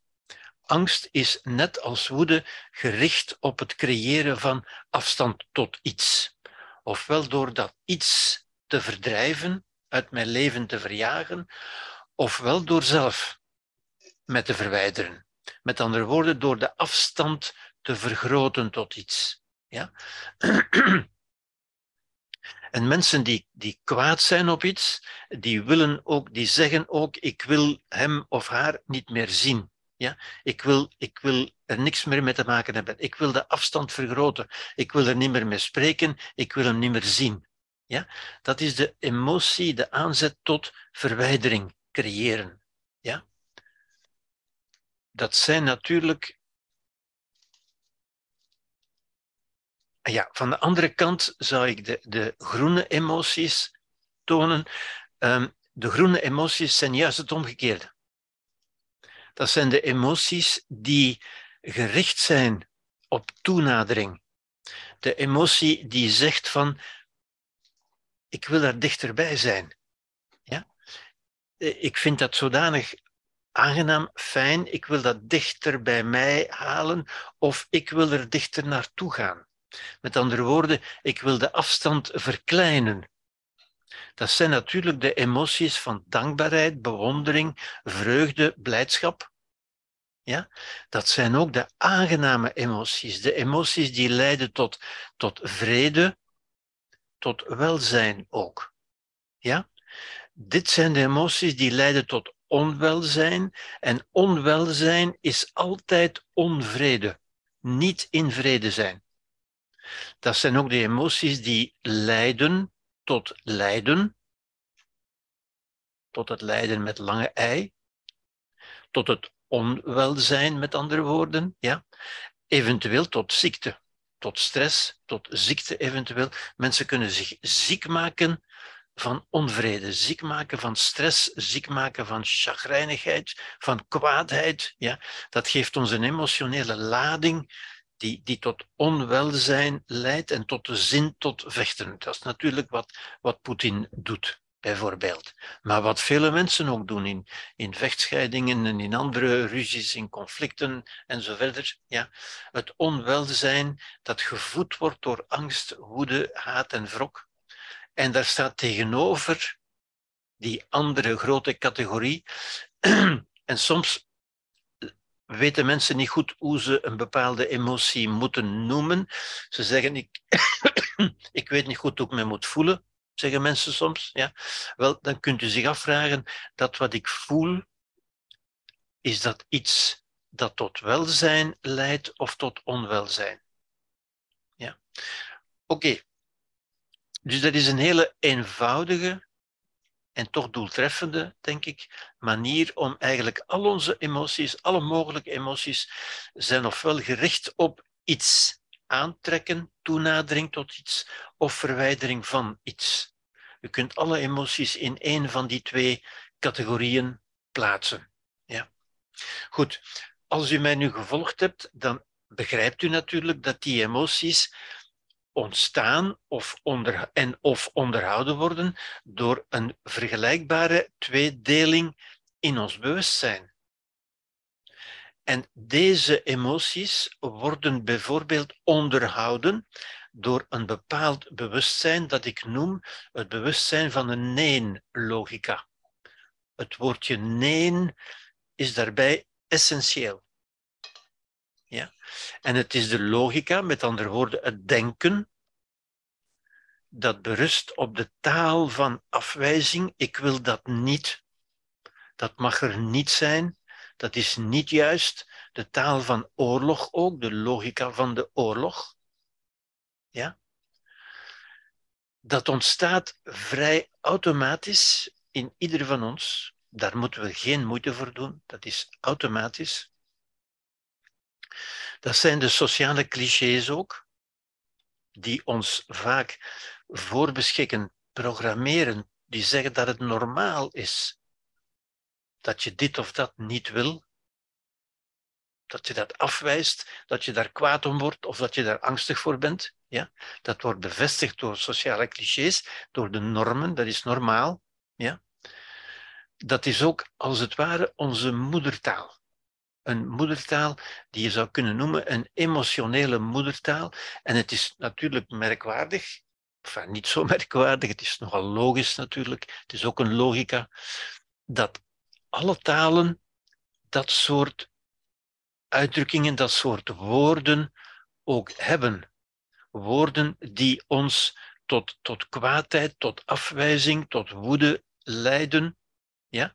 die ons zullen aanzetten tot onwelzijn, tot onvrede, tot lijden en tot ziekte. Ja? Daar staat natuurlijk tegenover de andere grote categorie, ja, de groene categorie, die wordt aangestuurd door een, wat ik zou noemen, een ja-logica. Ja? En die twee woordjes zijn heel belangrijk. Als u die consequent gaat gebruiken als denkcategorie, dan komt u al een heel eind. Want wat is de ja-logica? Wel, de ja-logica is het denken in termen van aanvaarding, dat is de taal van aanvaarding, het denken en dus de taal van aanvaarding, van mededogen, van vergeving, van liefde, van vrede. Dat is zou ik noemen, niet zo automatisch, maar wel reflexief. Daar moeten we met andere woorden een beetje over, een beetje bewust over denken. Moeten we wat reflectie voor doen. Ja? Dat is prefrontaal, zou je kunnen zeggen. Prefrontaal wil zeggen in dat voorste stuk van onze hersenen, dat stuk dat typisch menselijk is, in tegenstelling tot die automatische sociale clichés die uit ons emotionele brein komen en die automatisch getriggerd worden. Ja? Deze moeten we een beetje stimuleren. Ja? Dat ontstaat prefrontaal, het prefrontale denken, zoals we zouden kunnen zeggen, dat het echte menselijke denken is. Ja? En dan kunnen we zien, dus ik zou zeggen, dit is weer een kaart van wat mogelijk is. Iedereen kan zo denken en iedereen kan zo denken. Met andere woorden, iedereen kan zich, kan zich kwaad maken. Dat is heel gemakkelijk, automatisch. Sociale clichés, ja? dat is niet gepermitteerd, dat is niet, niet normaal. Ik heb daar niet om gevraagd, dat is een belediging, dat is een provocatie, enzovoort, enzovoort. Dat komt heel spontaan ja? en leidt heel makkelijk tot die emoties van verwijdering, angst, woede, haat, wrok, enzovoort. En tot allerlei vormen van onwelzijn. Ja? Vooral natuurlijk onwelzijn en stress, vooral natuurlijk als deze emoties, maar goed, daar, daar kom ik dadelijk op terug. Uh, iedereen kan ook zo denken, kan ook deze logica cultiveren in zijn bewustzijn. Ja? Dit behoort allemaal tot ons bewustzijn, tot onze bewustzijnsmogelijkheden. Iedereen kan zo denken. Ja? Maar het ontstaat niet zo automatisch, niet zo gemakkelijk. Ja? Maar iedereen kan in zichzelf, dat ontstaat wel vrij spontaan en vrij gemakkelijk in bepaalde omstandigheden, bijvoorbeeld bij de mensen waar we ons goed bij voelen. Waar we dus normaal, vriendelijk en, en, en, en welwillend tegenover staan. Die we het goede wensen, met andere woorden. Ja? Waar we dankbaar zijn, bewondering, vreugde, blijdschap enzovoort. Ja?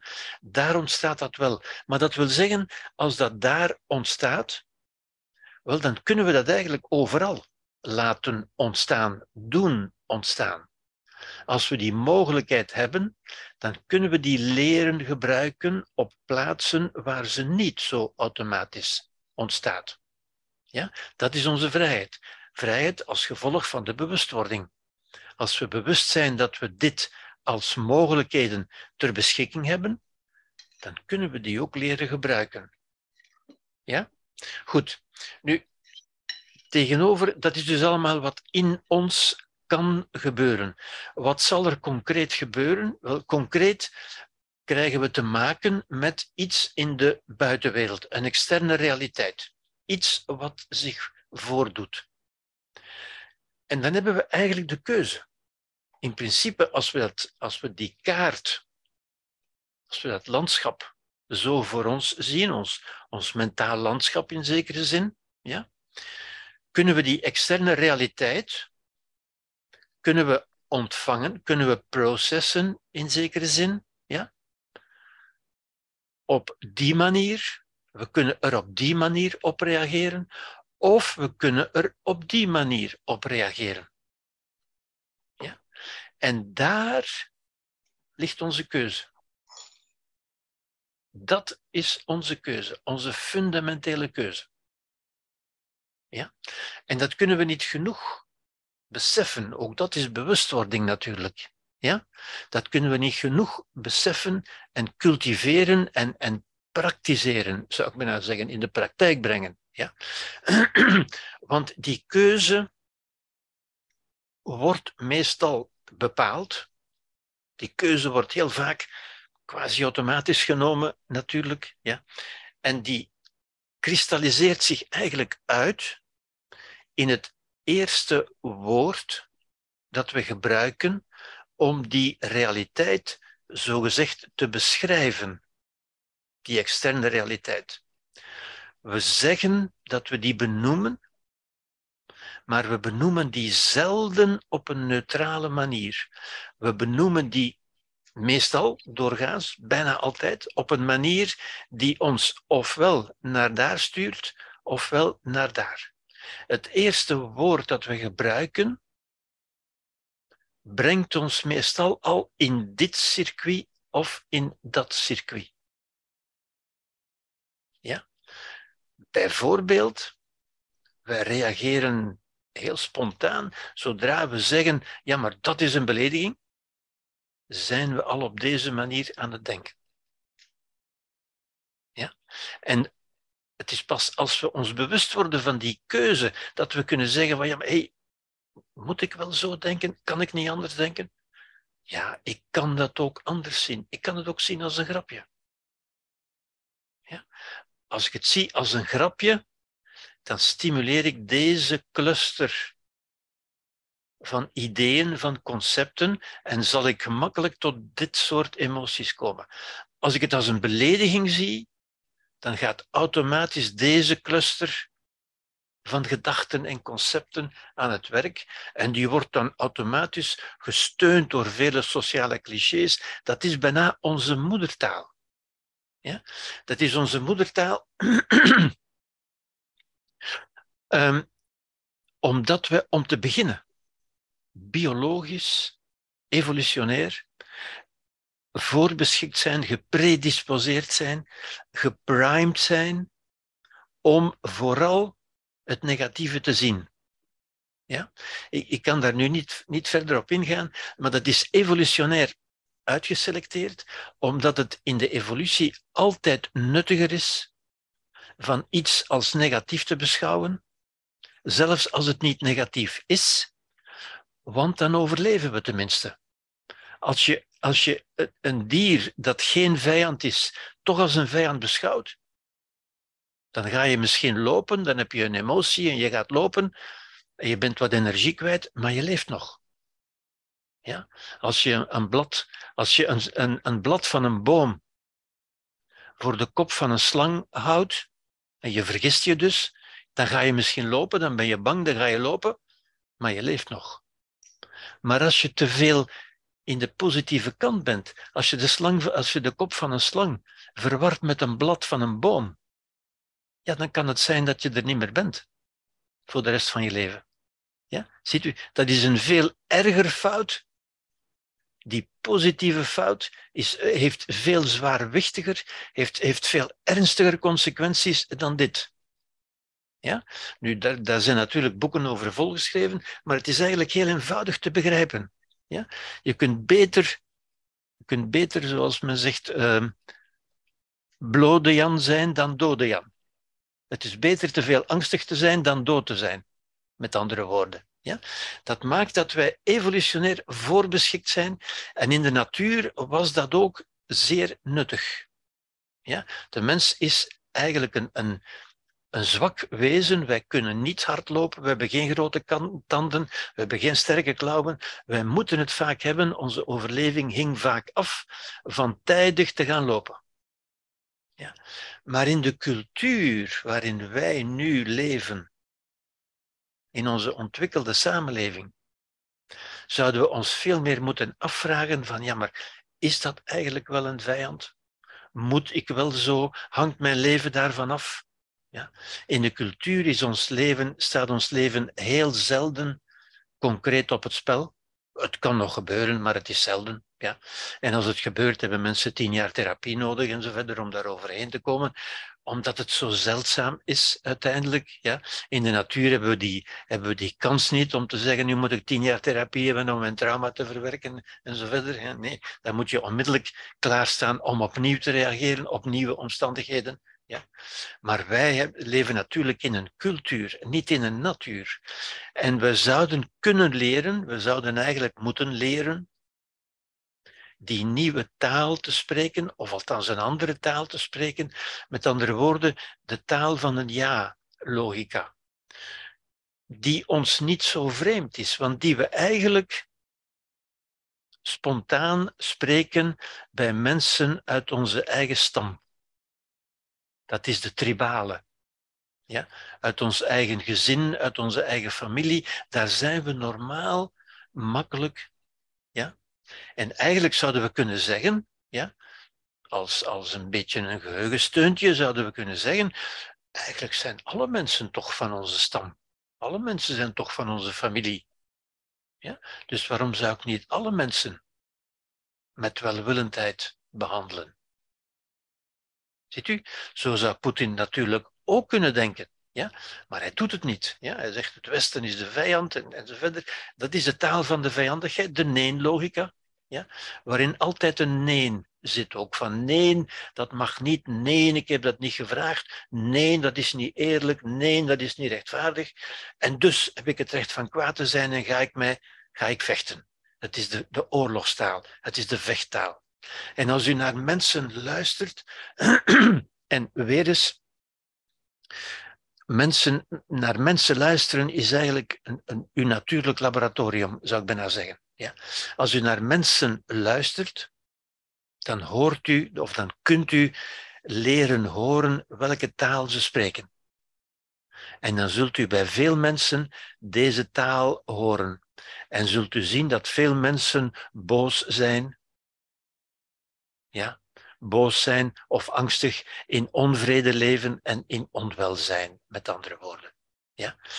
Terwijl ze eigenlijk, en dat kunt u dan zien van buitenaf, hè, door andere woorden te gebruiken, door op een andere manier, zoals in, het vorige, in de vorige dia stond, als we op een andere manier kijken naar de realiteit, met andere woorden, als we andere woorden gebruiken, als we andere beelden oproepen, wel, dan zien we andere dingen. Dan ziet de realiteit er gewoon weg anders uit. En kunnen we er anders op reageren. Ja? Is, het, is, het, is het dan zo simpel? Ja, het is zo simpel. Ja? Ook bij mensen die al twintig jaar in, in haat en in wrok en zo leven. Ja? En u hoort heel vaak mensen zeggen van, ja, maar ik kan dat niet aanvaarden. Dat is onaanvaardbaar. Nu, als u dat onaanvaardbaar noemt, in wezen kan dat niet.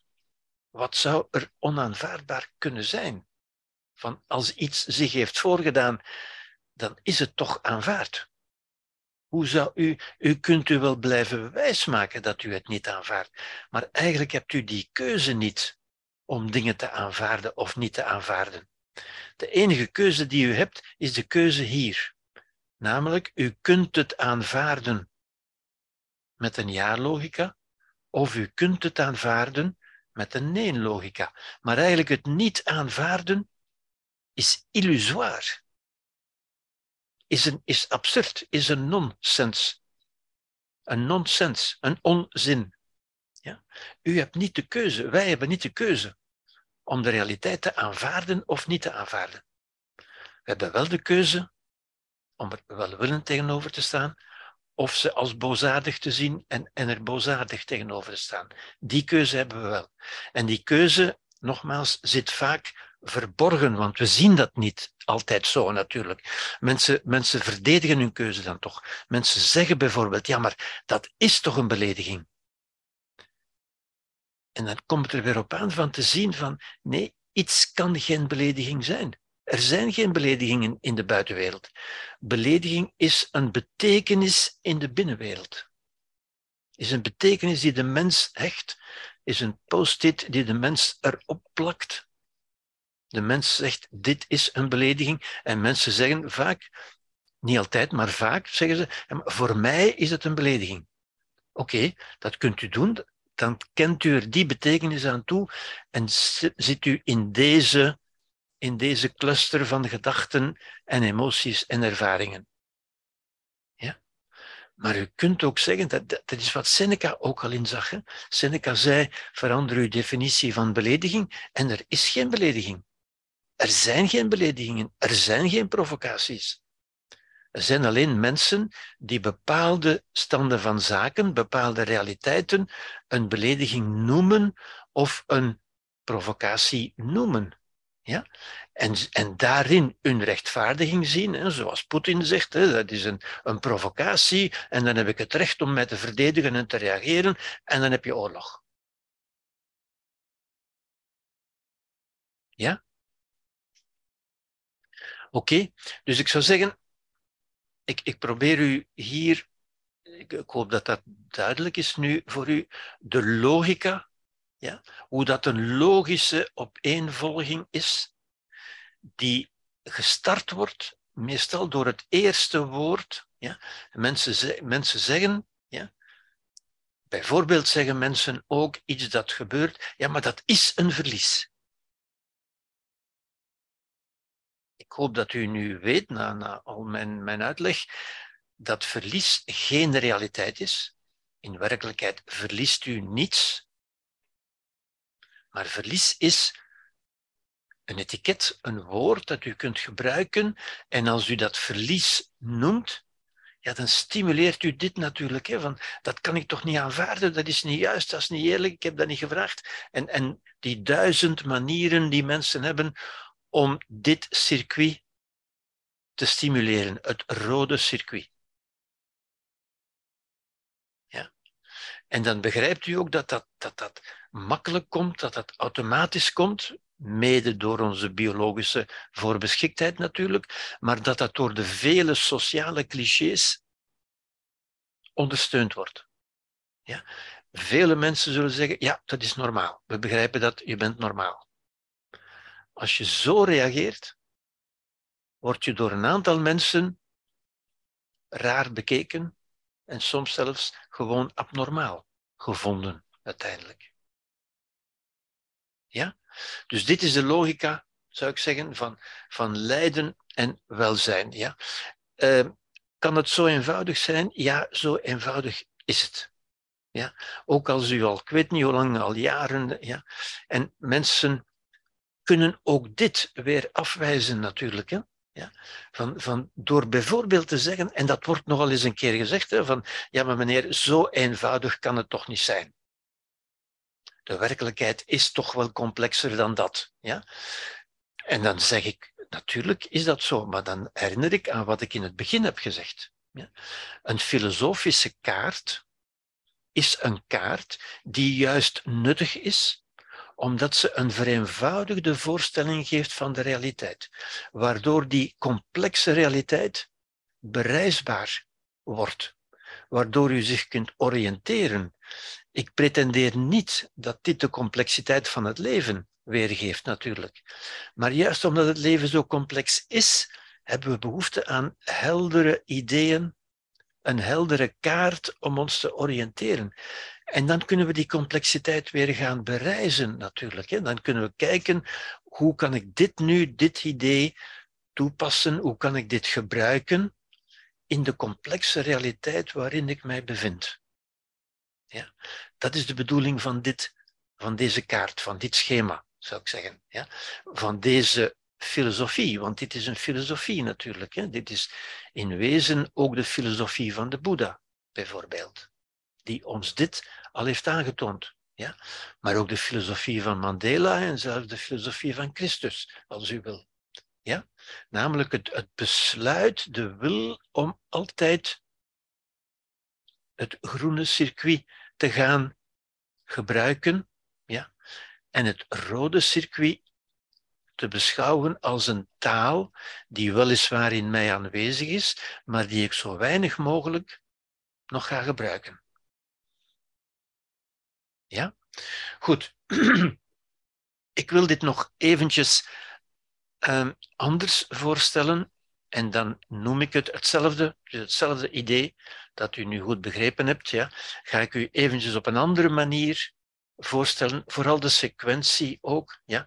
En dan noem ik het, ja, dit is, komt er weer bij, waardoor natuurlijk, eigenlijk is dit, als we hierin zouden leven, dan zouden we altijd eigenlijk, ja, dit, is wat, wat uh, contemplatieve mensen doen uiteindelijk, hè, die, die bewust altijd het goede, ja, ook wat religieuze mensen doen, wat mindfulness ook doet bijvoorbeeld, ja, om altijd vanuit een hoger bewustzijn naar de realiteit te kijken, naar dit hele gedoe eigenlijk te kijken, zou ik zeggen. Ja. Goed, ik ga dit eventjes op een andere manier. Ja, dit, dit, dit heb ik ook al gezegd. Als je anders naar de dingen kijkt, dan veranderen de dingen waar je naar kijkt. En je manier van kijken, dat zijn deze twee manieren van kijken. Ja? Een manier van kijken is een theorie. Theorie komt van het Griekse woord theorein, dat, dat, wat ook theater vandaan komt. En dat betekent de manier van kijken. Ja? Als ik op deze manier naar de werkelijkheid kijk, ja, dan zie ik een bepaalde werkelijkheid. Maar als ik op deze manier kijk, dan zie ik een andere werkelijkheid en kan ik daar anders mee omgaan. De werkelijkheid als dusdanig verandert daardoor niet, maar wel wat u ziet van de werkelijkheid, hoe u ze ziet, uw theorie dus. Een theorie is een manier van kijken, uw filosofie, met andere woorden. Ja? Goed. ik teken, of ik doe verschijnen even hetzelfde, maar op een, op een andere manier. Ja? En meestal ontstaat de noodzaak om te denken, om, om na te denken, om, om bewustzijn te gebruiken, ontstaat meestal, bij de meeste mensen, en dat is normaal natuurlijk, ontstaat omdat er een probleem is. ja. We zijn doorgaans een beetje zuinig op onze denkcapaciteit en de meeste mensen gaan maar nadenken als er zich een probleem voordoet. Ja. Uh, dat is het punt 1. Dus ik zet weer die twee acteurs, onze emoties, de wil tot handelen, ons bewustzijn. Ja, goed. Dit is aanwezig, zou je kunnen zeggen. Dit is wat wij zijn. Ja. Nu, er doet zich een, iets voor in de buitenwereld, iets dat we als probleem zien, iets wat ons verstoort. Het woord verstoring is, is zo belangrijk. Ik heb dat ook in het begin gebruikt toen ik het schema van de school van het leven getoond heb, ja, waarin ook een, een klein kind al spoedig verstoord wordt in zijn, in zijn kinderlijke denken. Wel, hier worden wij verstoord in ons denken. Iets doet zich voor dat ons verstoort. Iemand zegt iets of doet iets of er gebeurt iets. Ja? En met andere woorden, er is een lijden. Dat noemen we een lijden, natuurlijk. Iets wat ons verstoort. Wel, dat is stap 1, dat is punt 1. punt 2 is dan nagaan vanuit welke emotie wordt dit lijden gevoed. Wat is dit lijden eigenlijk? Lijden is altijd een emotie. Ja? Is dat angst, woede, haat, wrok enzovoort? Ja? Dat zal vaak een van die emoties zijn natuurlijk, of, of jaloezie of naijver, of hoe je het ook wil noemen. Vanuit welke emotie? Wat voedt dit lijden, met andere woorden? Wat is eigenlijk mijn lijden? Wat voel ik eigenlijk? Ja? Dat is punt 2. En dan kunnen we punt 3 natuurlijk, u begrijpt al waar het naartoe gaat, dan kunnen we punt 3 afvragen met welk nee-denken, met welke nee-logica met welke oorlogslogica voed ik die emotie? Want remember, emoties komen niet uit wat er in de buitenwereld gebeurt, maar wel uit wat in de binnenwereld gebeurt. Met welke emotie, met welke denken, met welke logica voed ik die emotie? Hoe houd ik die emotie in stand? Ja? Waarmee ben ik in oorlog, met andere woorden? Ja? En met die simpele vraag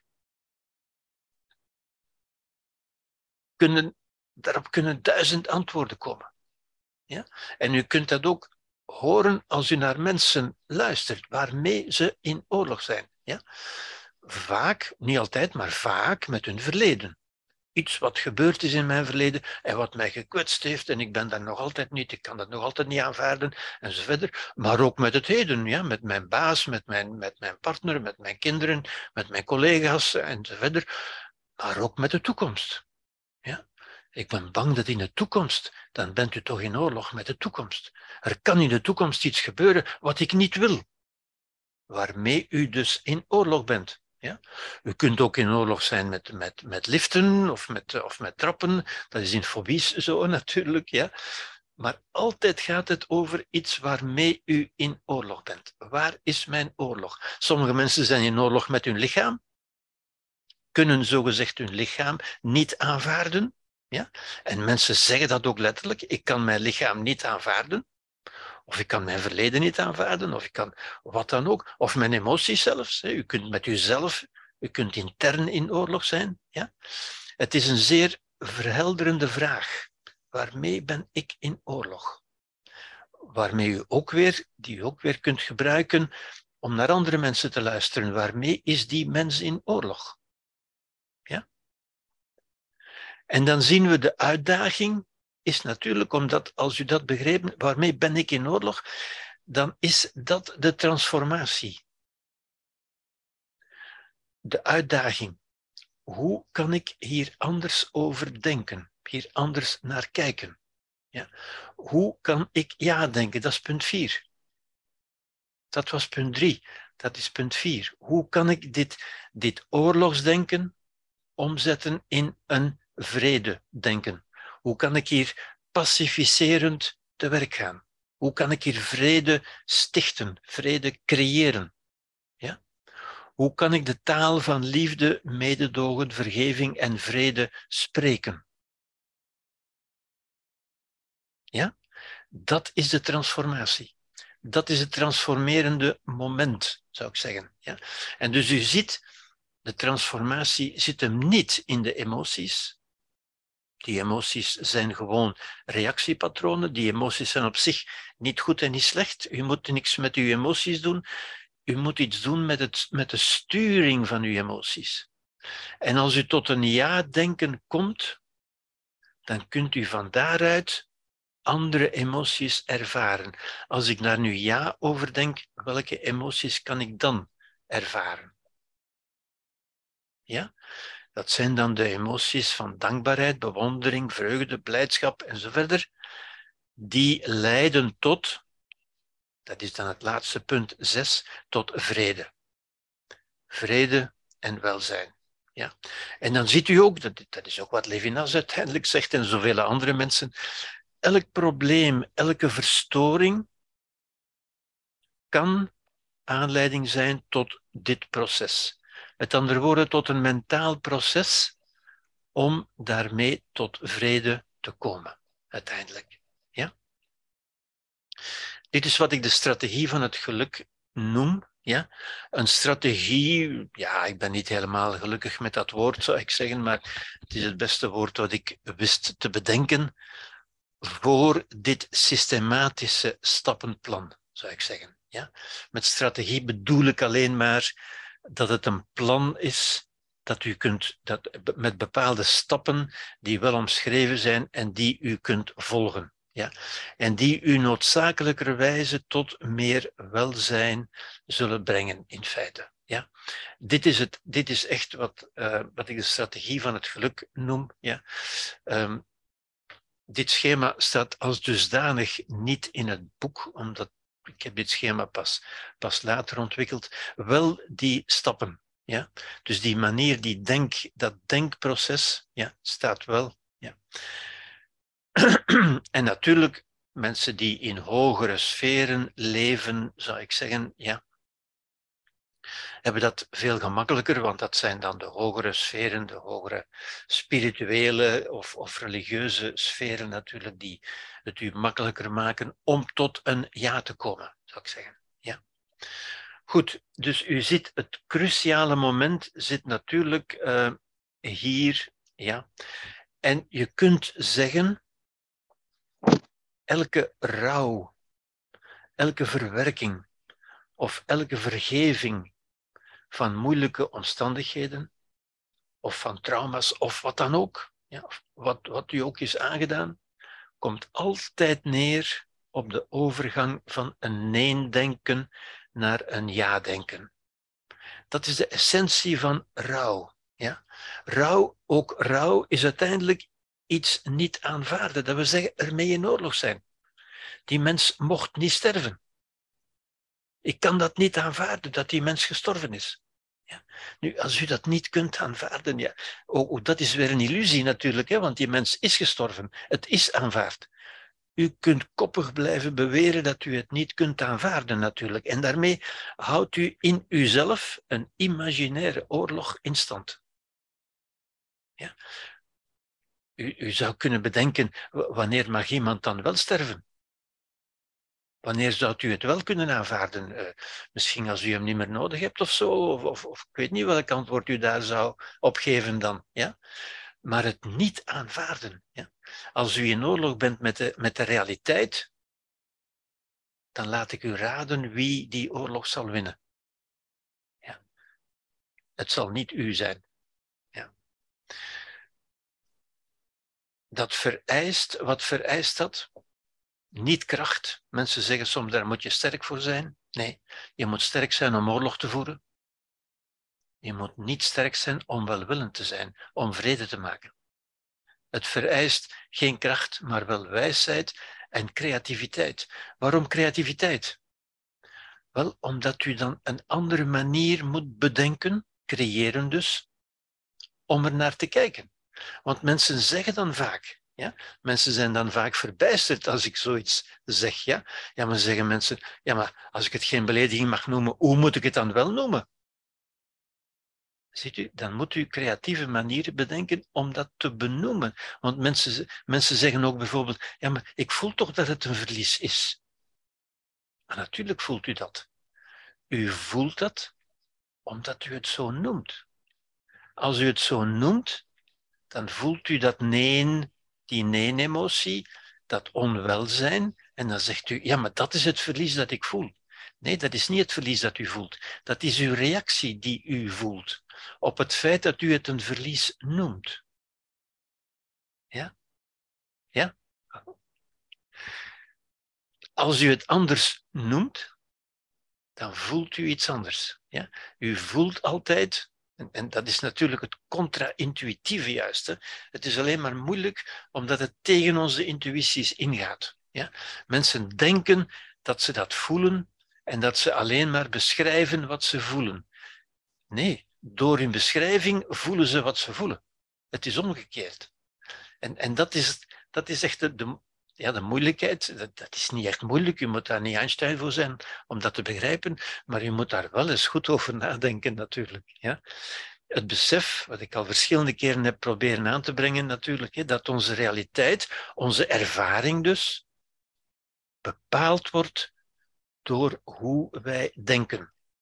En als u die twee manieren, en eigenlijk alleen maar die twee woordjes, het nee-denken of het ja-denken, en u kunt zich op elk moment afvragen dat wat ik nu aan het denken ben, wat ik nu aan het doen ben, wat ik nu aan het voelen ben, is dat een ja-denken of is dat een nee-denken? Ja? En als u dat begint te gebruiken als een strategie, zou ik zeggen, ja, wel, dan kunt u leren van uw denken om te buigen, uw denken, uw bewustzijn dus, anders te gaan formateren, ja, en van deze hersencircuits, hersennetwerken, van de vele miljoen, miljarden die de mens heeft, van deze sterker te maken, van deze te bekrachtigen zou ik zeggen. Ja? En deze geleidelijk minder te gebruiken en dus naar de achtergrond te doen verdwijnen. Ja? U kunt die niet wegkrijgen natuurlijk. Zoals u een moedertaal niet kunt wegkrijgen. U krijgt die niet uit uw brein. Dat kan niet. U krijgt die netwerken niet verwijderd. Maar u kunt wel besluiten van voortaan andere netwerken, een andere taal te gebruiken en netwerken die u veel langdurig niet gebruikt, wel, die worden zwakker. Zoals netwerken die u wel gebruikt, die worden sterker. Ja? Dus dat kunt u wel doen. U kunt die niet wegdenken, u kunt ook negatieve emoties of emoties van verwijdering niet weg krijgen uit uzelf, die verdwijnen niet, die blijven altijd bestaan als mogelijkheid. U kunt ze wel minder gaan gebruiken, zou ik zeggen. Ja. En om het nog een beetje, om het nog een beetje te, te verduidelijken, zou ik zeggen, heb ik het ontleed, een beetje ontrafeld in nog een paar puntjes, in nog twee stappen. Ja? En stap 1 is uiteindelijk wat ik noem de deconstructie van probleem tot feit. Bijvoorbeeld het, het hele redelijke. Ja? Als, als u zegt, of als u denkt van, van verdorie, dat is een provocatie wat hij daar gedaan heeft, ja? dan kunt u zeggen, provocatie, is dat een probleem of is dat een feit? is provocatie een feit. Als u er echt over nadenkt, dan zegt u nee, provocatie is geen feit. Het is mijn benoeming van een feit. Het is hoe ik een feit noem. De ander heeft iets gedaan, ja, ja, zeker, zeker. Maar dat provocatie noemen, ja, daarmee breng ik mezelf, daarmee bepaal ik mijn reactie op wat die gedaan heeft. Ja? Maar mensen denken, nee, nee, nee, dat is een provocatie. Nee, provocatie is een mentaal concept. De ander heeft iets gedaan en u hebt die handeling een provocatie genoemd. Als u ze zo noemt, of als u ze een belediging noemt, of, of, of een aanval, of wat dan ook, dan stimuleert u het rode circuit. Dus de eerste stap in de bewustwording is de deconstructie van probleem tot feit. Ja. Stap 2 is de constructie van feit tot mogelijkheden. Als ik dat feit als een feit zie, wat zijn dan de mogelijkheden? Hoe kan ik er anders mee omgaan, met andere woorden? Ja? Welke mogelijkheden doen zich hiervoor? In plaats van alleen maar kwaad worden, dat, dat kan ik natuurlijk altijd, die keuze kan ik altijd maken, maar hoe kan ik er op een andere manier mee omgaan? Hoe kan ik een ja-logica? Hoe kan ik hier op een vredevolle manier mee omgaan? Ja. Dat is van Martha Nussbaum. ik heb die, deze quote ook al eens getoond waarin zij zegt, en dat, dat zal nu nog duidelijker zijn natuurlijk, hè, je kan het hart niet veranderen zonder een ander verhaal te vertellen. Nu, met hart bedoelt ze natuurlijk de emoties. Hè. Vele mensen denken nog altijd dat het emoties uit het hart komen. Dat, dat is natuurlijk niet zo. Maar ze bedoelt, je kunt je emoties niet veranderen zonder een ander verhaal te vertellen. En het andere verhaal, dat bevindt zich hier natuurlijk. Hè. Hoe kan ik een vredeverhaal vertellen in plaats van een oorlogsverhaal? Ja? Hoe kan ik van een logica van oorlog overstappen naar een logica van vrede? Ja? Zoals men in het Frans zo mooi zegt, d'une logique de guerre à une logique de paix. ja? Dat is mogelijk. Ja? En dat is dus wat ik noem de strategie van het geluk, natuurlijk. Ja? Goed.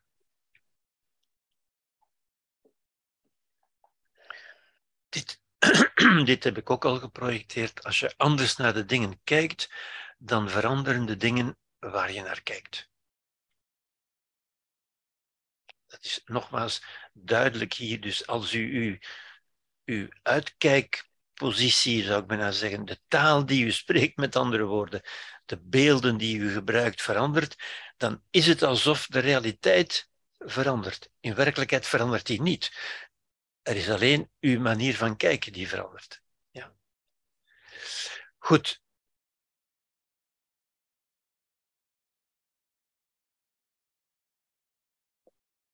Um, het is nu 20 voor 10. Ik ga het hierbij laten voor, voor vandaag om nog even beschikbaar te zijn voor mogelijke vragen die u hierbij hebt.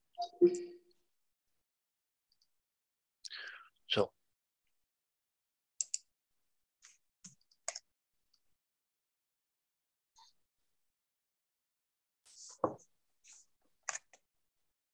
Ik had eerst als vraag um, van, is het, zoals je zei, is het zo eenvoudig als gewoon een, uw woordkeuze te veranderen? Uh, wacht even, wie is aan het woord? Sorry, sorry. Ja, ja, oké. Okay, Ja, u hebt mijn vraag, uh, ja. zoals alles in het verleden ook al eens is geweest, meteen beantwoord eigenlijk in uw lezing. Mijn vraag was dus, van, is het zo eenvoudig als gewoon kiezen voor een ander woord in uw hoofd, een ander taal of een ander beeld? Ja. Dan over te gaan naar een ja. andere manier van de, kan, de, kan dat wel? Kan dat wel? Kan het, kan het wel zo eenvoudig zijn? Ja, daarom was dus mijn vraag. ik, ik begrijp dat natuurlijk. Hè. Dat is een heel, heel normale vraag. Omdat wij niet voldoende bewust zijn van de mentale kracht, de hypnotiserende kracht, de formaterende kracht van de woorden die wij gebruiken. De taal is zo. De, de, taal is ons bewustzijn hoor. Ja? Er is geen bewustzijn buiten de taal. Hè? Mensen denken vaak intuïtief van uh, ik heb een bepaalde gedachte, nu moet ik die nog onder woorden brengen. Alsof er een, een primaire hersentaal zou zijn voor we de woorden gebruiken. Maar nee, ons denken is met onze woorden. Ons bewustzijn is onze taal.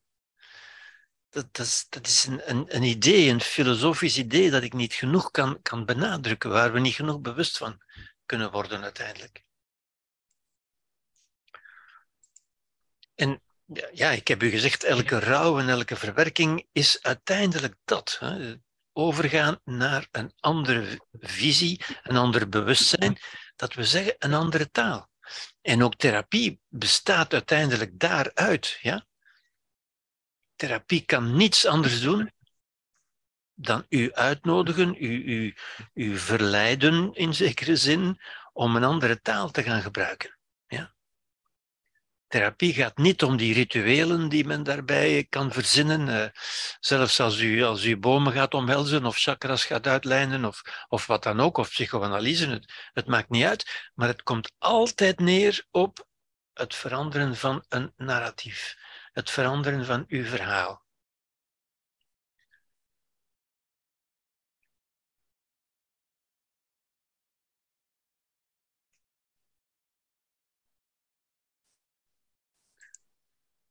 Mag ik uh, wat, uh, wat opmerken? Jeroen is dat? Wie spreekt er? Jeroen. Jeroen.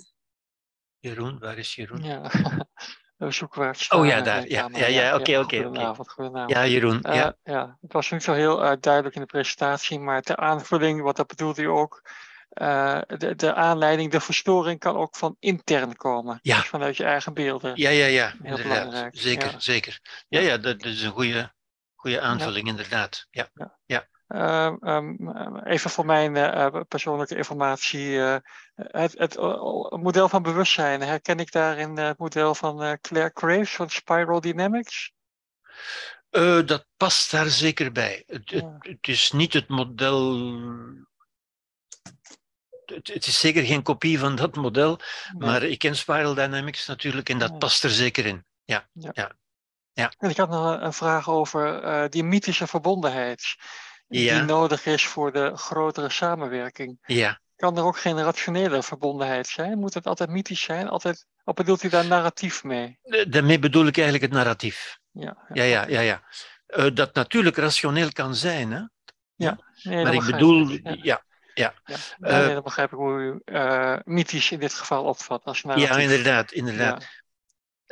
Dat is niet echt rationeel, maar het is ook niet echt irrationeel natuurlijk. Hè? Maar het, is, het, is, het is een verbondenheid, wat men verbondenheid noemt tegenwoordig, maar samenwerking laten we zeggen. Ja.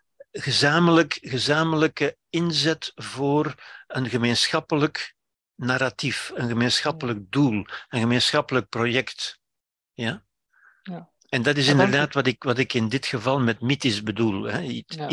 iets, waarin je gelooft, met andere woorden. Hè? Dat, dat is geen, geen wetenschap, dat is geen... Nee. Maar omdat mensen er op een of andere manier enthousiast voor zijn, er willen aan meewerken. Ja? Daardoor ontstaat samenwerking. Dank u wel, was een mooie avond. Graag gedaan. Zijn er nog, nog vragen of bedenkingen? Ja, Gerbert, je zegt daar van die keuzen altijd in die ja-logica of die Ja. nee-logica. Maar het valt me op, je zegt niet van rechtstreeks naar die ja-logica te gaan. Dus het kan toch zijn dat er een Ja, ja, ja. Ehm, moet je, zijn voor je hebt gelijk ja- dat je me daarop wijst, want het, het was in mijn bewustzijn aanwezig en toch ben ik het vergeten te zeggen. Dat is ja, ja, ja, ja. En ook dat is misschien een beetje een antwoord op de vraag die, die Frederik stelde. Hè. Ik denk dat u. Je kunt dat hele schema zien als de, als de conceptuele achtergrond, de conceptuele opbouw eigenlijk. Hè. Maar u, u kunt, men kan, en ik doe dat vaak met, met patiënten ook hoor, u kunt eigenlijk de, de kracht van, die, van de woorden, de, de formaterende, de hypnotiserende kracht van woorden, in feite onmiddellijk ervaren, hier en nu. U kunt die nu hier onmiddellijk ervaren. Ja? Als u bijvoorbeeld voor uzelf zegt, ja, en dat hoeft zeggen, dat hoeft niet met luide stem te zijn, dat kan ook in uzelf zeggen of, of in uzelf die woorden projecteren. Ja? Of zelfs als u mij die woorden hoort uitspreken, ja? als ik u zeg, als ik de woorden uitspreek, ik ben in vrede, dan kunt u niet beletten dat u iets in uzelf voelt bewegen, iets in uw lichaam en in uw geest komt in vrede, vertoont een ontspanning, ontspant zich. Want spanning is altijd om oorlog te voeren natuurlijk. Ja, stress is om oorlog te voeren. Als u zegt, er is geen oorlog, ik ben in vrede, dan reageert heel uw lichaam, zoals ik ook al heb gezegd, uw lichaam luistert altijd naar u. Als u zegt, ik ben in vrede, en u zegt dat uh, niet als een papegaai, maar als, met een zekere intensiteit, ik zou zeggen op een, op een iets wat meditatieve of, of hypnotiserende manier, met een zekere intensiteit. Ik ben in vrede. Op dat moment creëert u vrede. Dan ervaart u de creatieve kracht van woorden. Door die woorden in u aanwezig te laten zijn, creëert u vrede. Ja? En dat kunt u nu onmiddellijk voelen. Als u dat gewoon laat gebeuren, als u, als u aandachtig let op wat er in uw lichaam gebeurt, dan, dan merkt u er ontstaat iets van vrede. Ja? Of als u ook bijvoorbeeld, mensen zeggen vaak van ja, maar dat kan ik toch niet aanvaarden. Ja? Ik heb u al gezegd, dat is filosofisch dat geen, is dat absurd, want het is aanvaard. U hebt niet de, de mogelijkheid, u hebt niet de keuze om de werkelijkheid te aanvaarden of niet. U hebt de keuze om koppig te blijven zeggen dat u het niet kunt aanvaarden of om het wel te aanvaarden. En mensen zeggen soms, zeggen mij soms, en, en u hebt dat ook al gehoord natuurlijk, hè, ik, ik, ik zoek al zo lang naar aanvaarding bijvoorbeeld. Maar aanvaarding kunt u niet zoeken, kunt u niet vinden, kunt u niet krijgen. U moet daar niet voor zoeken of voor bidden of voor smeken. U kunt die alleen maar creëren in uzelf. En dat kunt u ook hier en nu. Als u zegt, ik aanvaard. Dan creëert u aanvaarding. Als u zegt, ik aanvaard dat dit of dat in mijn leven gebeurd is. En aanvaarden wil niet zeggen dat u dat moet goed vinden. Hè? Dat is geen goedkeuring. U aanvaardt alleen dat het zo gebeurd is. Ja? U creëert er met andere woorden vrede mee. Aanvaarding is vrede. Ja? Vrede is aanvaarding. Ja? Als u aanvaardt, als u aanvaardt wat er geweest is, wat er is, wat er nog zou kunnen komen, als u dat al meteen aanvaardt. Ik, ik, herinner me dat ik. Uh, ja, Hans, jij wil iets zeggen. Nee, nee, nee, nee ik wil het niet onderbreken. Maar ik, ik herinner me, omdat ik dat woord nu ook uitspreek, uh, komt, komt mij natuurlijk ook weer iets voor, voor de geest. Ik herinner mij een interview van Natasha Kampusch. Kennen de mensen Natasha Kampusch? Dat is dat Oostenrijkse meisje dat op de leeftijd van, van van tien jaar, denk ik, uh, ontvoerd is geweest door, door, door een, een ontvoerder natuurlijk. Prikovic uh, heette hij geloof ik, Prikolit of zoiets. En die door die man acht jaar is gegijzeld geweest in een kelder, een, een Dutroux-verhaal uiteindelijk, in een kelder gegijzeld, gevangen gehouden. Ja? Natuurlijk gebruikt en misbruikt op alle mogelijke en onmogelijke manieren. En die op 18-jarige leeftijd is kunnen ontsnappen. En ze heeft daarna een aantal interviews gegeven. U, u, natuurlijk kwamen de psychiaters en de hulpverleners toegesneld, maar zat die allemaal niet nodig. Ja.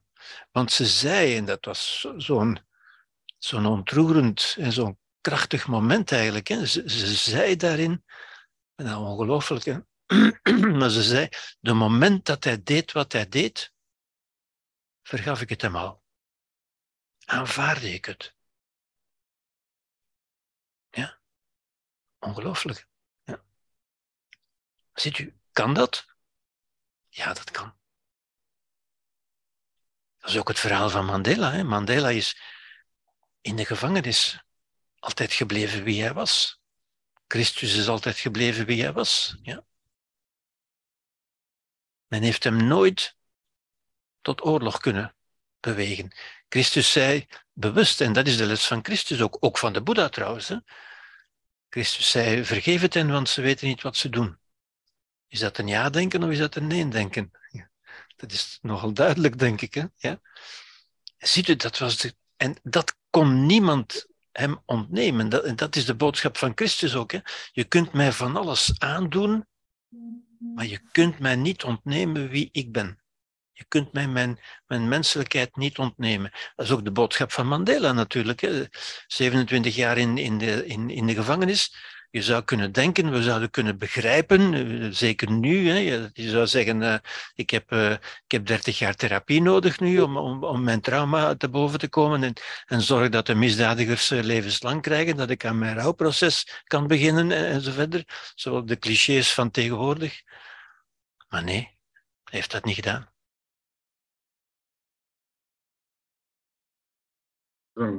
Is dat hetzelfde als of zo? Zeg maar Hans, sorry. Ja, uh, Hans, zeg maar. Ja, daarmee vond ik het ook zo mooi wat dat Thomas daar straks zei, van uh, we zijn eigenaar van ons eigen lichaam. Ja, ja, ja zeker. Denken.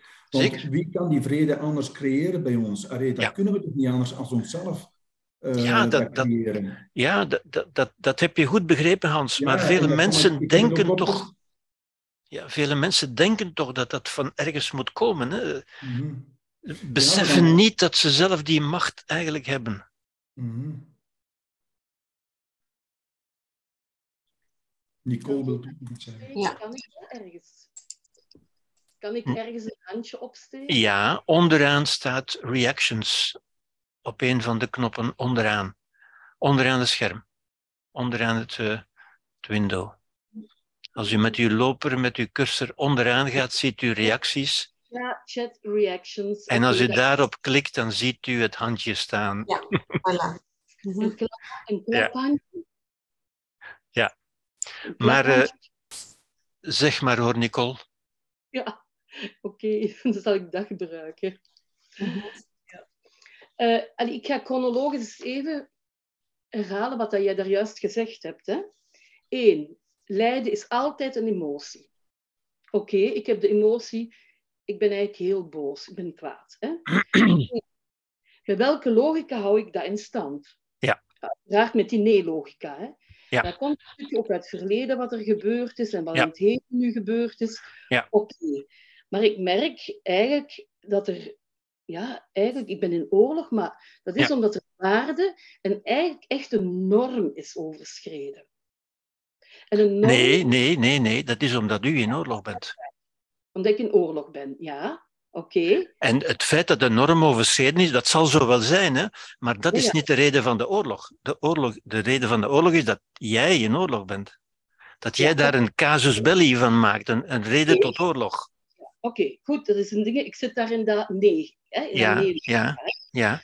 Kijk inderdaad naar die taal van de liefde. Hè ga je ja. dat ja denken. En inderdaad, je kan dat echt oprecht aanvaarden. Je voelt dat ook binnen jezelf. Ja. Je voelt ook, ik ben in vrede binnen mezelf. Ja.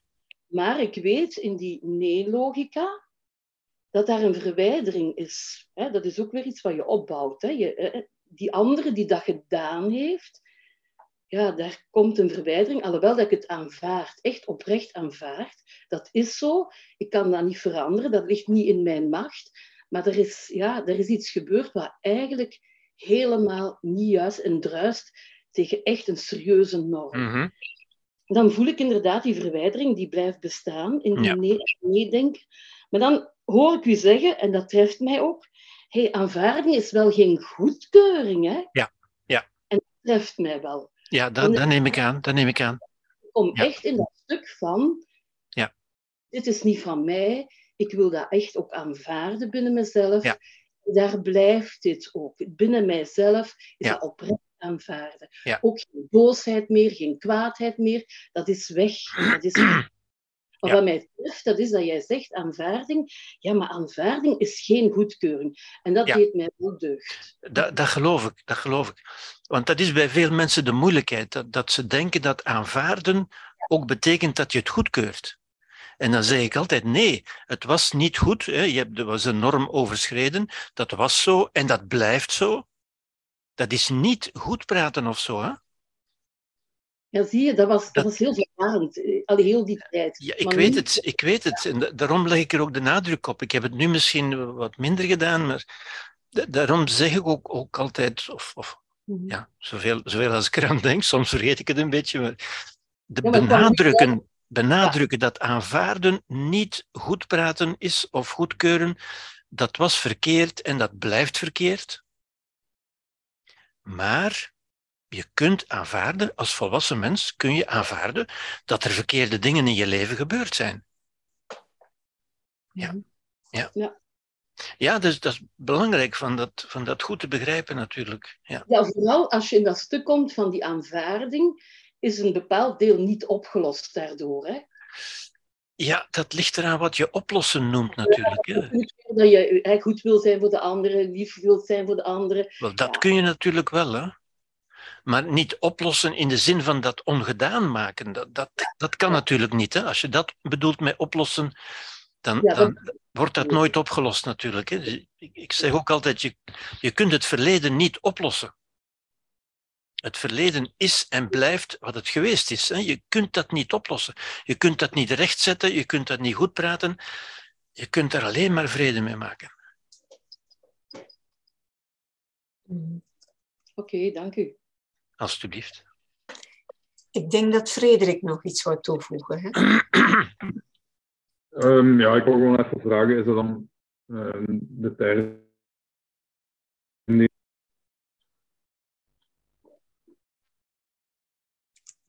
Eh, zeg waar, Frederik? Is er dan de term die ik soms wel eens heb gehoord, amor fati? Amor fati, ja, dat is Nietzsche. dat dingen zo zijn zoals ze zijn. Dat is van Nietzsche, hè? Ja. Mhm. ja, Nietzsche sprak ook van de bejahung, hè? Dat wil zeggen, het ja zeggen tegen het leven, inderdaad. Hè? Ja. Amor fati, inderdaad, ja. Mhm.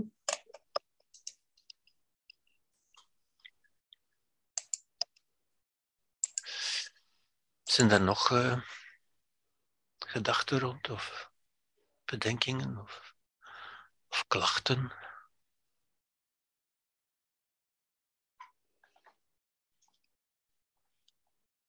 Herbert, eh, wat ons betreft, Thomas, Thomas. Thomas. Thomas, Emma en Thomas, hartelijk dank voor vandaag. Het was, een, eh, eh, het was echt een, een, een, een mind-opener voor een aantal, op een aantal plekken. Ik vond dat je het heel, heel helder en schema dat schematische, dat helpt mij heel erg. Dat begrijp ik. Ja, Ja. ik vind het echt, echt geweldig. Dus daar wil ik je voor bedanken. Met veel plezier gedaan, Thomas en Irma. Ja, dat is.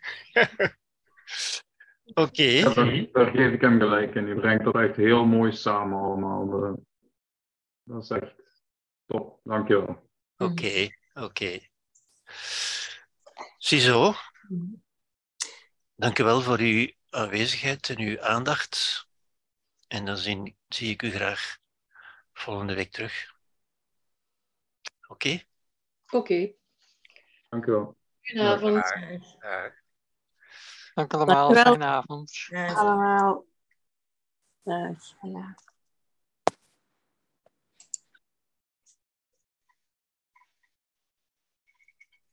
Stop. Oké. Ja. Heb ik nu. Voilà. Ja. Oké. Goed, tot beneden. Hm? Ja. Gaan we nog iets eten? Of- Ja, Ja? het wel, hè? Nee? Ja. Ja. Ja. Tot dadelijk, ja.